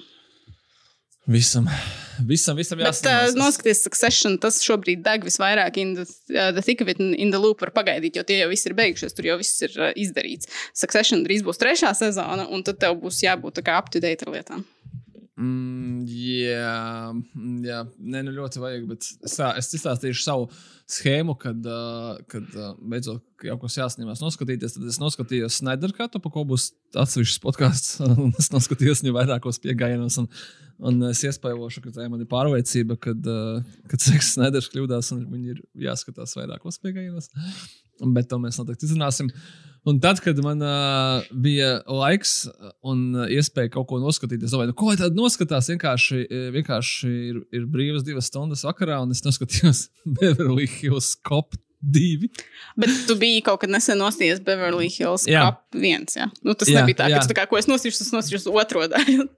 Es, es tagad neatceros, kāds man bija par šo uh, briesmīgo pandēmijas laiku, kur man ir kaut kādi tie strīki, ka man bija Tonija Skota filmu maratons, kas beidzās pie trim filmām, bet nu, nekas. Un, uh, un šī Waltera Hila filmu maratons, kas arī kā, nu, ļoti selektētās filmogrāfijas. Es mēģinu saprast, vai tas pirmais Beverly Hills Cop bija atrauga no Tonijas nu, nebija no Tonijas Skota, bet uh, tas bija Edija Mērfija filmu ietvaros, bet uh, otrās daļas režisors ir Tonijs Skots. Es esmu redzējis visus trīs Beverly Hills policistus, jā, bet tas bija kaut kādas tīņu gados, kad man bija 11 gadi, un, un pirmie divi forši, un trešais ļoti vājš. Es droši vien tuvākajā laikā noskaidrošu arī to, vai viņš tiešām ir vājš vai nē. Bet tā bija precīzi, tas bija precīzs gadījums, kur es nespēju izlemt starp septiņām jaunām filmām. Un es izlēmu, un es izlēmu pa labu kaut kam, ko es jau esmu redzējis, bet īsti neatceros, kas tur notika. Nu, Feins viņš ir un tā, bet uh, jā, dažs nekad neskaitās. Es, uh, es skaitīsim, kas nedara. Es skatījos, tagad daudz klausītāju un klausītājas uh, būs pamanījuši Netflix jaunu Behind Her Eyes. Un, un, es arī biju pamanījis, vienkārši man, man, man ļoti interesē. Un es arī tā kā sevi kā, nezinu, kā lielu, ka tam, kas skatos, sekoju līdz tam, ko tad skatās mainstream publika un, un kas tad ir tagad aktuāls. Es saprotu, ka kad, tā saucamo vienkāršo kino skatītāju okā. Es negribu nevienu tagad aizvainot, tāpēc es rādu pēdiņas ar vienkāršais kino skatītājs. Nu, bija ļoti aktuāls šis miniseriāls no sešām sērijām, un es esmu agonizējoši ticis līdz ceturtajai. Mans vienīgais jautājums ir, kāpēc tas nenotiek divas reizes ātrāk. Snaidera katam man negribējās pātrināt, lai gan tur ir ļoti daudz slow motion, un šeit man nu, ir kā interesanti, kas notiek, tur ir sešas sērijas pat 50 minūtēm, un man reāli vienkārši di varat lūdzu divas reizes ātrāk to visu izstāstīt. Pagaidiet, bet Netflixā taču ir tagad, uh, tas, uh, tu vari uzlikt visu ātrāk. No! no! Kāpēc es tikai tagad par to uzzinu? Es būtu vienkārši ātrāk. Tu vari pātrināt, tu vari, tu vari arī savu agoniju paildzināt. Nu, nav, interes, nav neinteresanti, bet reāli. Un tad būs tas- smieklīgi, ja tu viņi visi runās tā kā burunduki. Alvins un Burunduki. Jā.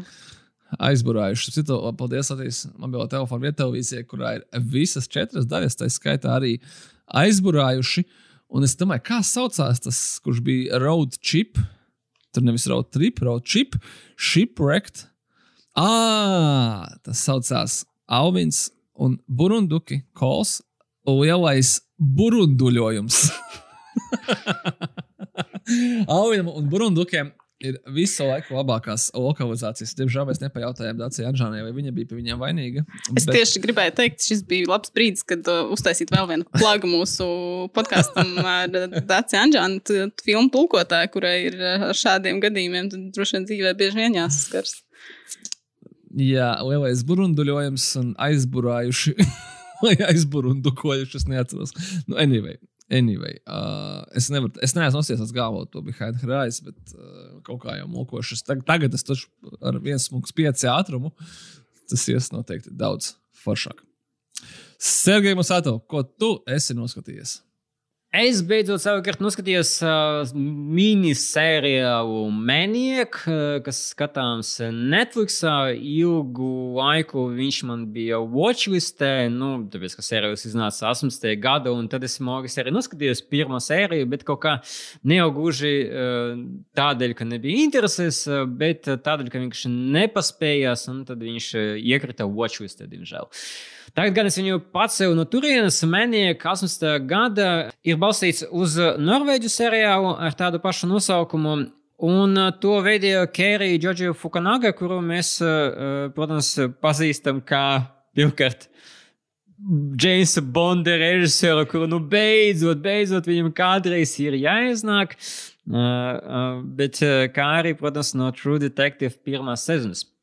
Uh, un uh, es teiktu, tā, ka man ļoti patika uh, gan sižetisks risinājums, gan arī uh, vizuālais risinājums. Sižetiskais ir uh, uh, Eniju un Ovenu, kurus spēlē Emma Stone un Džona Hill. Viņi tad laikam, ja es pareizi atceros, atgriežas pie sadarbības kopš uh, filmas Superbad, kas bija arī abiem viens no pirmajiem karjeras posmiem. Uh, un uh, Anija, gan Anija, gan Alvins pēc sižeta dzīvo ar kaut kādu traumu uh, un ar mentālas uh, veselības traucējumiem. Ja Anija tas ir, uh, nezinu, kā la- laikam latviski pareizi pateikt, uh, personality disorder, borderline personality disorder, tad uh, Ovenam tā ir schizofrēnija vai vismaz uh, potenciāla schizofrēnija. Un savukārt aiziet uh, testēt eksperimentālas zāles, kas ceļ augšā traumas un tad palīdz tās risināt. Kas man fascinē šajā serijā, ka traumas tiek paceltas caur izdomātām pasaulēm, līdz ar uh, seriāla gaitā mēs paspējam pamainīt žanrus, un ir stāsti gan par mafiju un cipu aģentiem, gan par fantasy Lord of the Rings stilā. Un var redzēt, ka Emīļa Stone un Džona Hjūna rīktīgi patīk spēlēt visus tos dažādus un savādus uh, personāžus. Es pat teiktu, ka dažreiz uh, kaut kāds tāda drosme un, un iespēja fantazēt, aiziet tādu balls to the walls. Viss kaut kur un ļoti fascinē, ka šis viss joprojām sajiet kopā vienotā stāstā un, un tā teikt, makes sense. Un visbeidzot, viena no arī svarīgākajām līnijām ir tas, ka šo visu kontrolē um, mākslīgais intelekts vārdā Greta kas uh, sirta līnija kļūst uh, pati depresīva.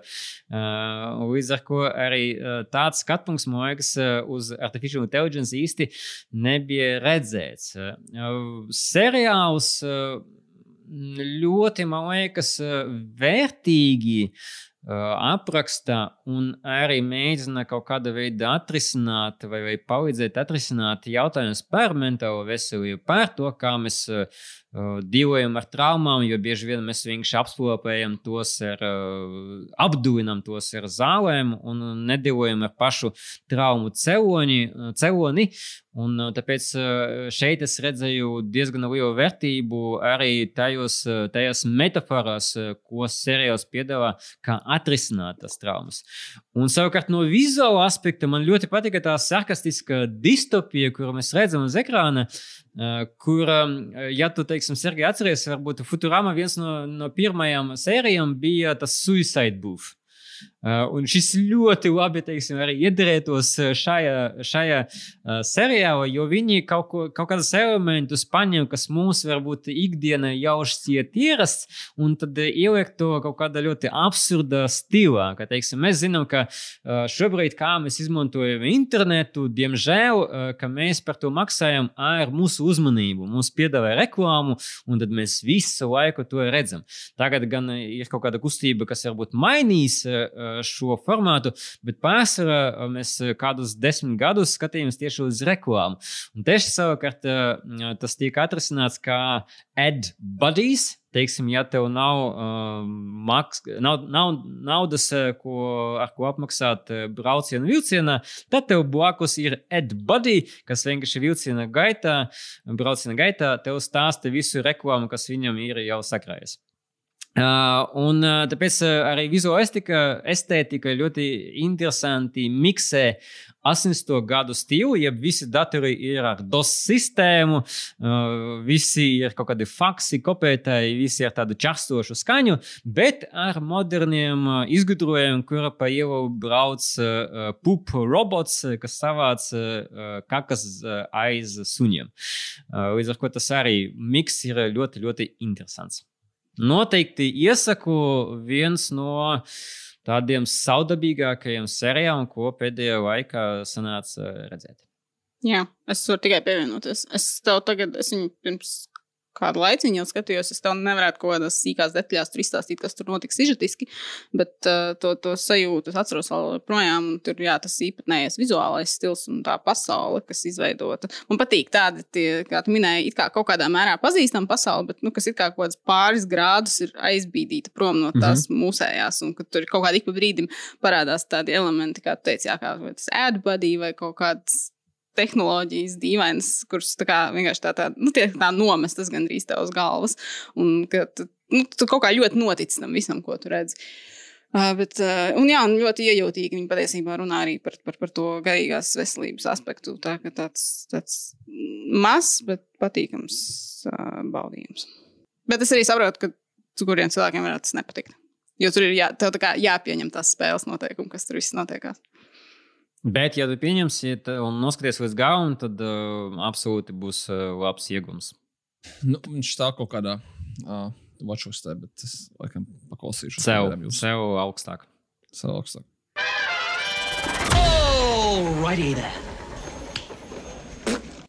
Tas arī viss šai reizei.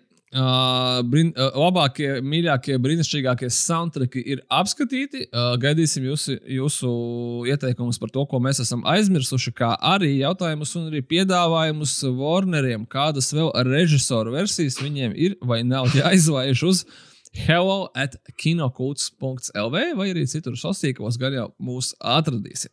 Uh, būs ļoti pateicīgi, ja atbalstīsiet mūsu podkāstu Patreonā un mūsus arī pašus. Un, Uh, Būsim par to jums ļoti pateicīgi. Varēsiet ieteikt arī nākamās tēmas, par kurām mums runāt. Kā arī, protams, pastāstiet par šo podkāstu saviem draugiem. Uh, Spiežiet like, share, tweet, retweet un vienkārši aizsūtiet visai savai datubāzei. Kā foršajās jauniešu komēdijās, kurās nosūti uh, ziņu skolā visiem uzreiz, kas saņem skolēni, skolotāji un tā tālāk ar kaut kādām neķītrībām. Šoreiz ielieciet kinokūtu podkāstu. Un uh, būs jauki un forša kino atsauce. Kā arī šī podkāstu direktors skatu jūs dzirdēsiet pateicoties Tomam Ciemēram. Tom viens vārds, vai arī viena dziesma, ne, bet uh, skaņa. Lahu. Zahar. Pagaid, tev jāpaskaidro, kas tas bija. Nopietni! Ah! Es domāju, ka tu to kā joku domā. Nē, nu, tā kā Sergei neizpratni. Ah, es tiešām es, es, es, es, uh, nu jā, jūs atceraties, kas nebija arī uh, Ace Venturas seanses galvenais atbalstītājs. Bet es iznācu trešā daļa, neskatījos pirmās divas reizes. Nu, es esmu, protams, redzējis, tā kā neesmu. Man maska patīk, patika vairāk bērnībā, bet tas jau tev neko Tas, tas, ir, tas ir mans caurums, jā, zināšanās. Iesim aizpildīsim visus zināšanu caurumus no šo brīnišķīgo joku. Kino kultūra komandas vārdā paldies un līdz nākamajai reizei. Atā.